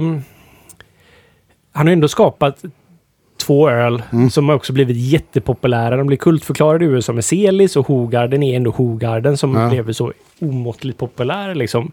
Så han är ju duktig på den biten. Ja. Men han verkar inte vara den starkaste affärsmannen kanske. Nej. Och precis, och när han sålde det då, då startade han någonting, jag vet inte om du kommer ihåg det Olle, men den här gro- Grottenbier, eller Grottenbier, det gjorde han ju, skapade han ju sen. Ja, det minns jag. Som var som en eh, öl jäst med champagnejäst som lagrades i grottor. Men det som är roligt var på den här tiden, det här väckte så här gamla roliga minnet eh, för mig. För Stefan Gustafsson som har mo, eh, Mohawk och Andreas Fält som eh, ja, har hållit på med öl på massa sätt. Och idag jobbar han på Irland väl för de här Porterhouse. Ja, precis. Någonstans i Storbritannien i alla fall jobbar han. Ja, han har varit delägare i All In och eh, så här, öl, känd ölprofil. Han, de två hade en importfirma i Sverige, i Göteborg, i början på 2000-talet som hette More Import. Och vi umgicks i samma gäng för de var ju hembryggare. Och, men de var ju ölentusiaster mer än affärsmän då. Så de började ta in, de tog in tidigt Sierra Nevada. Till, eh, en första gång eh, Pale Ale till och med innan den började säljas på, eh, uppe i Stockholm på, på OT och sådär. Och de tog in Celis White och massa spännande öl. Ja. Men det här, och försökte sälja det i Göteborg år 2001. Ni kan tänka hur det gick. Liksom. Ja, det, det var inte lätt. Så att, eh, Du, du nämnde OT i Stockholm. ja, Jogge och, och vad heter hans importfirma? Eh, Great Brands heter Great Brands. Great. Det är väl de som populariserade eh, Sierra Nevada Pale Ale i Mhm. Sverige. Amerikansk IPA, Red Seal som Men, vi snackade om. Ja, och de var i Stockholm Ja. och Stockholm. var i OT. Oliver Oliver Twist. Twist, ja förlåt. Ah. Ja. Det, det, det var lite det. Okej, Oliver Twist, det, det är alltså... Det, det, var den bästa. Ja, det var de som fick, ja det var OT och, och Great Brands som har egentligen tagit in alla, i början alla amerikanska öl i Sverige Mm. som var tidiga med det. Ja, okej. Jag vill bara... Ja, Ja. just det. Så att, eh, så då, och då minns jag, vi satt i Andreas Fälts eh, lägenhet, jag, Stefan och Andreas och drack. Där hade de tagit in Celis White, det var en sån häftig grej att dricka för det hade jag aldrig gjort. Och så. här. Men det gick ju inte att sälja, så de eh, gick i konkurs.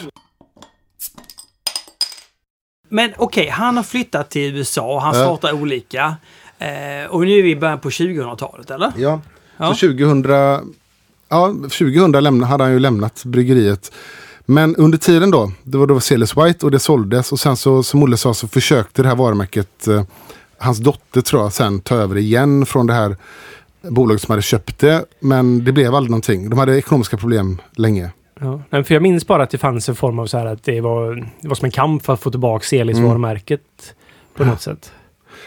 Ja, och då precis. Och, så att det dog ju ut, det varumärket. Medan Hogarden, som sen då blev en del av Anheuser-Busch Inbev-koncernen, har ju blivit ett av deras globala så så här, viktiga varumärken. Det finns ju över hela världen Mm. i princip.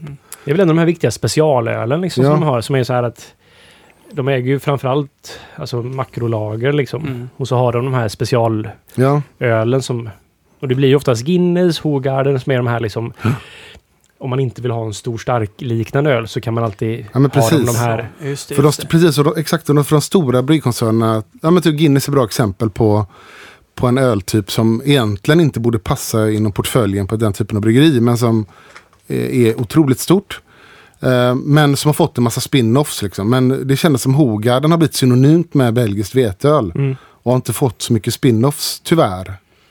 I hantverksölscenen. Jag tycker inte att man ser så mycket Men, men. Hogarden kanske ändå har gjort någonting för att vitt bier ska vara ett begrepp idag. Och för att det är någonting som folk kan känna till. Att det, det driver hela den. Men jag tror att det är mer av ett varumärke än en ölstil. Så, så, Ja, lite menar? så. Mm, Och jag ja. tror lite så här, det är min känsla i det, så här att det finns... Det här är ju inte en öl som kanske liksom tilltalar ölnördarna så mycket liksom. Utan för det finns en aura av vitt bier att det är lätt, somrigt, enkelt öl. Och jag tror ju egentligen det är en öl för massorna på det sättet. Ja. Därför jag tror det finns någonting här att det är liksom... Det här kan komma att bli en öl som många som kanske inte alltså är superintresserade av öl lätt kan vända sig till igen. Mm. Som att så här, ah, titta där. Ja men precis. Och de har gjort mycket kring, mycket så här gimmicks kring ölet som eh, är man i Frankrike eller Belgien så kan man ju få det kanske även i Sverige. Jag har inte sett det. De här stora jävla glasen, De finns i Sverige Hogarden-glasen. också. Ja, som är, väger eh, två kilo. Väger mer än själva vätskan i. och som en del fryser ner i en frys och så här. Så att det, du får den stor, liksom, får greppa den med två faktiskt, händer. Ja, Liksom. mitt minne, jag hängde mycket på Kings Head en gång i tiden. För de hade ganska bra after work där. Jag tror att jag jobbade på posten på den tiden kanske. Jag har ingen aning. Det är länge sedan i alla fall.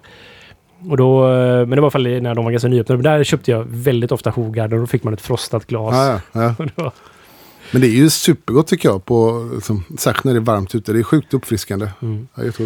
Och jag måste säga att den här, den som, när vi hade provningen med dig där så Mm. var ju den här den som vann. Och ja, den är ju, jag, jag tyckte den var bättre nu än vad jag tyckte då nästan. Ja, men den var jättegod. Med, och det är Blanche de Namur från De, Boc, de Bocker, va? Uh, de Boc Brewery. Brasserie de Boc tror jag de heter. Ja, 4,5 procent. Den är ganska lätt. Fan. Men det är väl Brasserie de Boc. Men det var roligt så här för både, för jag, jag kommer inte ihåg vad den hette och sådär. Jag kommer ihåg flaskan, men den var annorlunda på den tiden. Men det fanns en veteöl som jag alltid köpte på bolaget. Mm. Vi provade ju det här blint när vi hade provningar med Just dig. det, precis. Och det var ju den här som vann då. Och jag blir också glad för att jag minns den också som väldigt fantastisk. Men jag har Precis, inte druckit den på många år. Jag är samma här och det fanns ändå någon form av så här att så här ska det smaka liksom. När, när man just provar den här, att man känner att men det här är... Ja.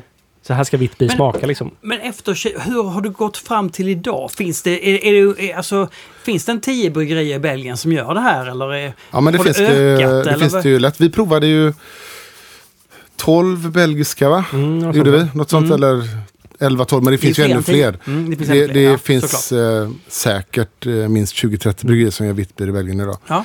Men det var, jag kommer ihåg det en av dem som hade en så extremt parfymig doft som var väldigt tung då med korianderfröns aromen liksom. vilken var det? Gillade vi den? Ni, ni gillade den. Jag tyckte inte, jag tyckte det blev för mycket. Men det var ju den, eh, de som gör eh, en väldigt stark öl. Jag kommer aldrig ihåg namnet på den här.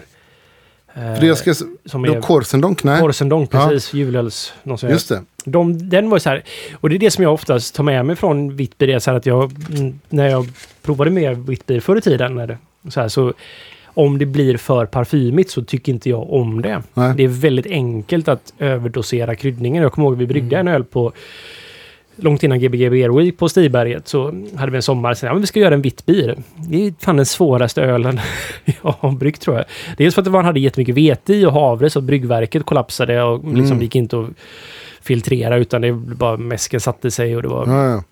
Och så kommer jag ihåg att vi skulle ha i krossa korianderfrön. Det var en Ja, lite så här. Och sen så i sprack påsen har jag för mig en liknande. Så vi hade i det här mot kokslutet då i en Ja, påse. det. och så hade korianderfrön då och apelsinskal i hela plattvärmeväxlaren. Och så här, jag lovar mig själv att aldrig mer brygga witbier, kommer jag ihåg. Ja, men det, är, det, är, det, är svårt, det är lätt att överdosera. Mm. Och det är lätt också att få för lite och då tapp, får, tappar man eh, Precis. poängen lite grann. Och Får jag bara fråga, Ja. ska du aldrig mer brygga, ska du aldrig någonsin mer brygga vitbier? vi får se. Det beror på den här coronakrisen. blir. Men att du lovar dig själv, det betyder ingenting eller? Det var inget sånt löfte? Nej, nej, alltså om jag lovar mig någonting så är det nästan garanterat att jag kommer göra det. det är, ja. Ja. Men jag hittade här, han, han bara backa lite då. Det här eh, Celis White, han sålde eh, Millers Course köpte majoritet av bolaget 95. De stängde bryggeriet 2001. Och sen så sålde han varumärket till Michigan Brewing Company. Och det var nog från dem som hans dotter sen försökte köpa tillbaka varumärket. Michigan Brewing Company. Jag vet inte, känner inget till dem. Men det är inte de som gör... eh, Det finns ju ett väldigt klassiskt, de som gör Old Fitzgerald och... De med båtarna på Ja. etiketterna. Det är inte de va? Jag tror inte det. Nej. Är inte det Milwaukee? Jag Nej. Nej. Great Lakes heter de, förlåt. Great Lakes ja. Men, ja. De är från Michigan. Men ja, så efter de här så flyttade han tillbaka faktiskt till Hogarden, till staden Hogarden och han dog 2011. Eh, Pierre Mm. Celi då. Men han är ju verkligen, det finns ju ingen, det finns ingen ölstil i världen som är så starkt förknippat med en person skulle jag säga. Nej. Utan det är ju han som har. Ah. Men sen har det liksom inte, så att, det är som sagt det är inte så många som har tagit upp stilen.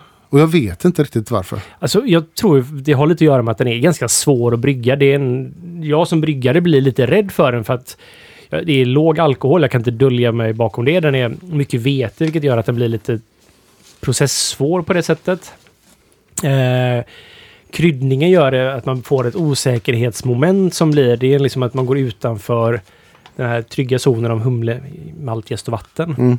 Så att jag tror det spelar in där faktiskt, Mm. att man är lite försiktig med det och liksom det kan lätt bli så som det blev med Stiberg där, att vi hade en kass bryggprocess. Plus att ölen i sig Ja. inte blev någon vidare så här. Den var faktiskt inte dålig, men den var inte heller alls vad jag ville att den skulle bli. Den blev någon form av det var som att jag visste inte om jag hade haft för lite eller för mycket kryddor i. Det, var, det, är, så här, man, det är så svårt att, så att man ger inte en ytterligare chans. Nej. Och det måste man ju göra en öl och så sålde den inte så bra heller. Men eh, det gjorde faktiskt ingen Stigberg på den tiden dock. Men det, man måste ju få tid att iterera på en öl för att Ja. den ska kunna bli bra och jag tror just att vitt bier dels inte har den försäljningskapaciteten Nej. just nu och så många bryggerier. Det finns andra öl man kan brygga för att Ja, och sen så faller den också lite under belgiskt flagg, vilket, vilket inte har varit så hett att brygga i den nya vågen nu. Utan det har inte varit så mycket fokus på belgiska ölstilar. Men en rolig story jag måste berätta som äh, Jagge hos er. Ja. Jagge Jaggeboutsi. Jajamän. Jag träffade Jagge första gången 2013 för då arrangerade vi en eh, hembryggartävling i Potbell i butiken. Eh, och då kom... Eh, det var första gången jag såg Jagge så kom jag ner och tyckte han såg väldigt så cool ut. Och då hade vi, vi skulle, vi satt några domare, han kom in där och såg ut som, jag vet inte. Och hade med sig lite öl. rockstjärna Ja men han var en rockstjärna liksom. Och så började han prata så kände jag bara, men han, fan den här killen kan ju göra öl förmodligen. och sen så fick, vi, fick jag smaka hans vittbier som var helt magisk. Vilket fortfarande är en av de bästa, eller det är, kanske är den bästa vittbier jag har druckit någonsin. Jag kommer ihåg att, för det var, vi bryggde väl 2014 eller 15 bryggde vi den här vittbilen. Då snackade jag, för då jobbade han på um, eh, bryggeributiken i Majerna. Så Ja, jag det, pratade jag faktiskt vitt det. med Ja. om honom då, Ja. minns jag. För jag tror jag köpte de här påsarna faktiskt där okej. till ja. det här. Ja, han Alltså, var av de- jätteduktig på det. En av de bästa bry- hembryggare vi har haft här i landet. Jag tycker att han är fantastisk. Det jag har provat eh, från av hans öl var ju Han är otroligt bra. jätteduktig. Ja. Det är ju också roligt att hans näsa är så bra. Han, alltså han, han, ehm, han kan- har alltid någonting att säga och han... eh, det- Jag tycker han är precis så bra. Det, det är ju därför vi har med honom i, i våra smak... Ja, men precis. Så jag frågade honom faktiskt lite om Ja. ett recept mm, på vittbier. Jag tänkte jag skulle försöka göra något som, inför sommaren. Oh, Spännande. Han hade ju paradisfrön också i sin vittbier och, Ah, och eh, kamomill tror jag. kamomill är Ja. ganska vanligt. Ja. Grains of Paradise. Ja, just det. Men ja, för det är ju, det är ju ofta så här, det är ju ofta bryggt som den hemliga ingredienser också då i Mm. Hogarden och så. Men vad är paradisfrön? Jag vet inte. Var det? Nej men jag vet inte Ja, exakt vad det har för ursprung men. Ja, ja, det- är det någon form av peppar liksom? Grains of Paradise borde ju vara någon peppar. Ah, okej. Mm, Jag har ja. faktiskt aldrig funderat vad Nej. det är för något. Jag har bara tagit som så här, men det är någonting Ja. och så Ja, ja, jo, i funderar man inte Nej. så mycket mer Nej, på det. ja. Ja och det man, så här, på, vi frågade om pomerans. Jag, jag skrev ut lite grann vad pomerans vad det egentligen är. Citrusfrukt. Som eh, snarlik apelsin med mycket bittrare och kryddigare smak. Ah.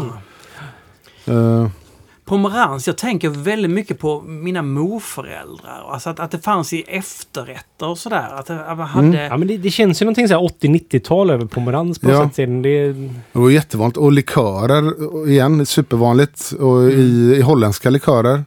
Och även, även, eh, även curacao finns väl en till och med likör som heter curacao. Eh, sen den men på curacao, så, för det finns ju curacao-apelsin, men då är Ja. det egentligen bara att det är pomerans från curacao. Från då. curacao som ska ha en liten annan karaktär kanske en Ja, annan okej. då. Och det är som eh, Madagaskar och Tahiti, precis. vaniljstänger liksom. Exakt.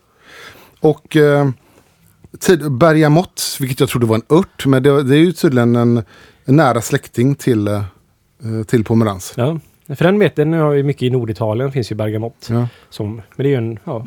Men när man Citrus. hör det, då ser jag framför mig en blomma. För att, jag tänker så här lavendel. Ja, jag tänker en olja som man framställer, bergamottolja. Eller Det är ju, för mig är det ju snuskryddan, Just det ja. ja. bergamott. Men jag, för mig är det, det är en citrusfrukt, det har det varit länge i alla fall. Mm.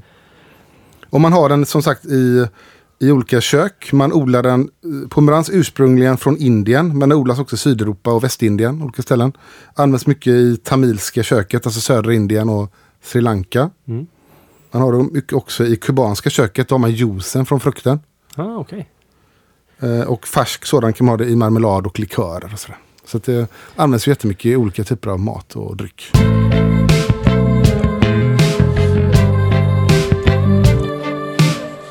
Nej, men som sagt, jag, jag tror Vittbier kommer få en... Eh... jag tror det kommer komma tillbaka, jag vill bara säga det igen. Nej, men Jag vill få det... i år eller nästa år? Nej, eller? men, nej, men under 2020-talet Martin. Ja, jag säger- sommaren eh, 2020 när folk kommer ut i corona och vill sätta sig på en uteservering. Mm. Ja. Kom. Precis. Eh, Men hur är det? För Corona har ju ofta en eh, limeklyfta i sig. Jag vill minnas att man har fått frågan, vill du ha en app eller så här, vill du ha en citrusklyfta i din Hogarden? USA börjar ju lite med den Ja, trenden att man fick det. Och jag tror att eh, Blue Moon gjorde en stor grej av det också. så är det nog ja. Men eh, i, jag skulle säga att det är ganska ovanligt i Belgien att få det. Ja. Ja, för i, vi snackade om det tidigare idag, eller innan du kom Ja. in, att eh, Corona Ja, är ju godare med lime i. Det är, så, det är så man ska dricka Corona tycker jag. det var länge sedan. Men eh, jag vet inte, Vittbier tycker jag ändå klarar sig helt utan eh, Mm, någon form av extra citrus. Det finns absolut, det finns där. Ja. Sen läste jag att koriander är besläktat med, alltså i, i koriander finns det eh, aromatiska oljor. Samma oljor som finns i humle. Så att de är liksom, finns, finns eh, släktdrag mellan koriander och humle. Ja, ja. Linolin och så Ja, precis. Ja. Linolin var det. Jo. Ja, det är ju den väldigt, väldigt... Det är ju Citra har mycket av det till exempel i sig. okej. Eh, och det kommer ju också fram oftast i eh, när man gör den här, alltså New England IPer, så interaktionen då med jäsningen så bildas det mer sånt, tror man kanske Mm. att det gör. Och då är det ju, använder man ju de här fröna. Eller men, nej, vänta förlåt. Linolinen reagerar med något annat så det blir Så ännu det mer blir det. kraftigt Ah, okej. liksom. Så är det nog. mm. men det är ju fröna man använder och inte äh, bladen som man har kanske Precis. i matlagning och Och sådär. det är ju en ganska annorlunda karaktär. Det är på- jätteolika är det. Det är på det? ja. det? Det går inte ens känna att det är samma sak tycker jag. Nej. Ja, det är sant. Jag, jag kommer att tänka på en sak. Jag skulle säga så ändå så här. Alltså inte för att racka ner på Vitby på något sätt. Det är en spännande ölstil. Men om jag till exempel ska välja mellan en saison och en Vitby så, så väljer jag nog hellre saison. Är ni med vad jag menar? Alltså att den är, har en... Den är liksom mer Ja. intagande. Men säsong väljer man ju före livet. Okej, det är så Så det är. den vinner ju överallt. Det är ju liksom Ja. ingen konkurrens Martin. Nej, så okej, här, okej, jag fattar. Ja. Nej. Men det är väl lite så i och med att så här, om man ska välja att göra någon belgisk stil så kanske man väljer att göra en eh, Belgian Strong Ale, alltså någon så här quadrupel-liknande, väldigt så här uttrycksfullt för att det är liksom det är en specialare. Man väljer att göra saison kanske för att saison faktiskt är blivet liksom. Mm. Och Vitby så här hamnar någonstans. Ja, men Det är liksom så här, det finns lite saison-karaktär på Ja, något sätt i det mm, med belgisk gäst och sådär men att Ja, det är inte tillräckligt spännande för att man ska kunna Nej. liksom Nej, och för låg, låg alkoholhalt och det, ligger, det hamnar längre ner i intressetrappan tyvärr. Ja. Ja, okej. Ehm, ska vi blicka framåt Mm. mot ljusare tider? Ja. Ja, Eh, det är svårt men... Du tänkte nästa öl? Jaha. Eller vad tänkte du? ja, Ja. det tänkte jag. Nej, vet, vet ni vad som hände? Ni, ni vet när um, Stigbergs öppnade Stigbergs fot uppe i Stockholm så, så var ju Jagge med. Och Han är så, nu har vi pratat om honom och jag fick lite Jagge-feeling så här. Han är så mysig att hänga med och dricka. Och då kom ju automagiskt eh, Tobias. Han var ju också där då. De, de verkar ju känna varandra. Ja, då kände man ja. Då känner varandra. Och då börjar vi snacka och vi börjar snacka tacos och, och Tobias sa till mig så här, vi måste ut och ta en taco, kom hit, du får komma tillbaka till Stockholm så ska jag bjuda dig på taco. Ja, alltså det, blev, det var sån skön stämning. Ja. Jag blev, det är alla våra lyssnare sådana. Ja, men många är sådana. Och han blev ju otroligt besviken. När vi var i Köpenhamn ihop, Olle och, och vi och Tobias, och så, så ville han ju ha tacos. Han har pratat om det innan flera dagar, att han ville till Laneta heter det va? Jag, jag har inte ätit det. Det är inte det Mikkelers? Mikkel har Laneta. Sen finns det ju hon som jobbade på Noma förut som också har tacoställen. Ja, Hon kanske involverar det också. har ingen aning. Ja. Men vi sa hela tiden, ja men vi tar det sen. Ja, vi tar det sen. Han gick där och tjatade tacos, tacos, tacos. Och sen så i slutet vi gick och fulla åt hamburgare istället. Alltså ni tog, Kommer ni tog du- inte, jag tycker Ja, just det, ja. Olof var med. Ja, visst är det sant. Ja. Som var jättebesviken efter det. Ja, jag förstår, Ja. ni tog inte det på, ni förstod inte hur viktigt det var. Nej men exakt. Nej. Så, Nej, men så här, om vi säljer massa t-shirtar Ja, så får vi lite pengar så vi kanske kan göra... Det hade varit jätteroligt att åka upp till eh, Automagisk och Mm. ha en... eh, Ja, du kan göra tacos. Jag tänker att du och eh, Tobias från Automagisk kan gå ihop och göra fintacos och du fultaco. Eller ja, Svennetacos. Svennetacos. Mm. Och så har vi en taco-off. Det är bra. Taco. tack och hej. Men eh, ja, har ni pratat om tröjorna, vilka som ska göra tröjor och så eller? Nej? Ja, jag har berättat att Neil Paling gör första tröjan. Tolkningen av oss. Ja. Eh, vi lägger upp det i webb, eh, en shop eller någon typ av där man kan göra förhandsbeställningar. Jag sätter ett slut, vi sätter ett slutdatum. Man kan välja färg, storlek. Det blir oerhört sköna tröjor. Det blir den här. Det blir den här tröjan. Kanske, ja det är 145 gram per kvadratmeter. Eh, jag vet inte om vi ska ta den på 165 som är lite, det är skönt med tjocka tröjor också. Men den här är, är inte den här bra Olle? Ja, jag, Ja. jag, jag har en sån... Ja. du har en likadan på Ja, jag är likadan. Det var bättre tryck på den du. Ja, Mm. nyare batch. Eller så bara tvättar jag de här oerhört ag- aggressivt. Ja, det- kan, vara, kan vara så. Jo, så det 40 har, vi, det har vi snackat om. Eh, vi har tagit höjd för det eh, och eh, sådär. Mm. Så det kommer vi göra. Så att vad är det nu då för... v- Alltså vilken öl ska vi genomlysa till nästa avsnitt? Har vi bestämt det i förväg Ja. eller? Ja, Ja, vad härligt. Vi har bestämt att det inte är en öl. nej. Ooh, vad sjukt. Ja. Det här är oroväckande. I dessa tider så Ja. tänkte vi att man får gå ut och stödja sitt lokala favoritbryggeri. helt Oh. enkelt. Mm. Så man får köpa den ölen man vill stödja helt enkelt. För det är faktiskt så att bryggerierna behöver det just nu. Okej, Och man- det är ölet som man tycker det här är viktigt för mig att det finns kvar. Ja, Ska man tänka. Okej, men kan, det hade varit roligt att få reda på vad, Ja. vad folk eh, köper. Alltså om det, om det är en lyssnare som bara oh jag vill gå och köpa, jag bor i Nora, jag vill ha Nora brygga, jag vill ha det här, em, vad heter den? Apex. Apex. Jag vill ha den, eh, den IPan, eh, för det är väl det man köper av dem va? Ja, just det. Då, då går man och gör det, stödköper det. Eh, kan man lägga upp det på Insta, Facebook eller någonting? Ja, man Ja. kan väl tagga det Ölpölen och eh, support your Local brewery. Ja. Man, tagg, man har två taggar. Ölpölen och... Taggar man, jag kan ju inte sådana sakerna, taggar man med ö. ja, det kan man göra. Ja. Man, man taggar Ölpölen och man taggar Support Your Local Brewery. Då hittar vi dem. Och så kommer vi prata om de ölen i nästa avsnitt som folk lägger upp.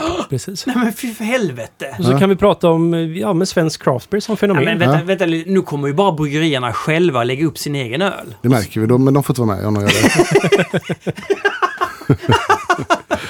Ja, och vi kanske kan göra en Instagram och Facebook-post där folk också bara får lägga upp vilken och bara kan skriva vilken öl Just har valt helt enkelt. Ja, det är bra. extra, men man kan ju också... Vill de bara lägga upp en Instagram-bild så kan man bara tagga det här så kommer vi hitta det. Okej. Ja. det gör du. Då, Ja, ja, ja. Ja, bra. det är bara att söka på Instagram där så kan man söka. Ja, men det låter superspännande tycker jag. Eh, men vad ska... Oj! Så då ska vi prata om... Ja, ja, då pratar vi om lokal... Alltså, nästa avsnitt blir vi pratar om lokala eh, bryggerier. Som Mm. och då får vi reda på vilka som finns i Sverige.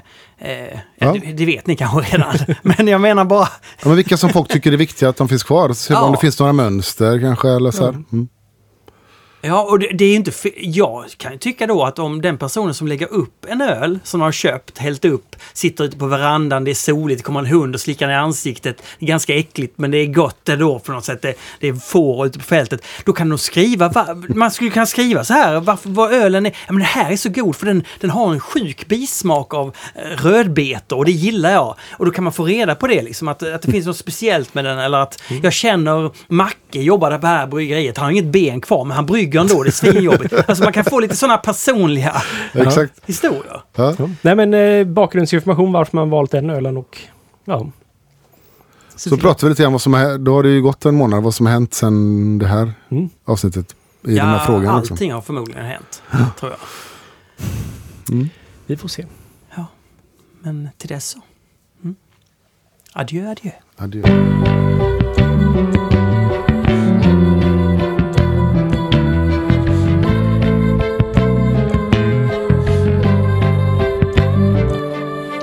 vampire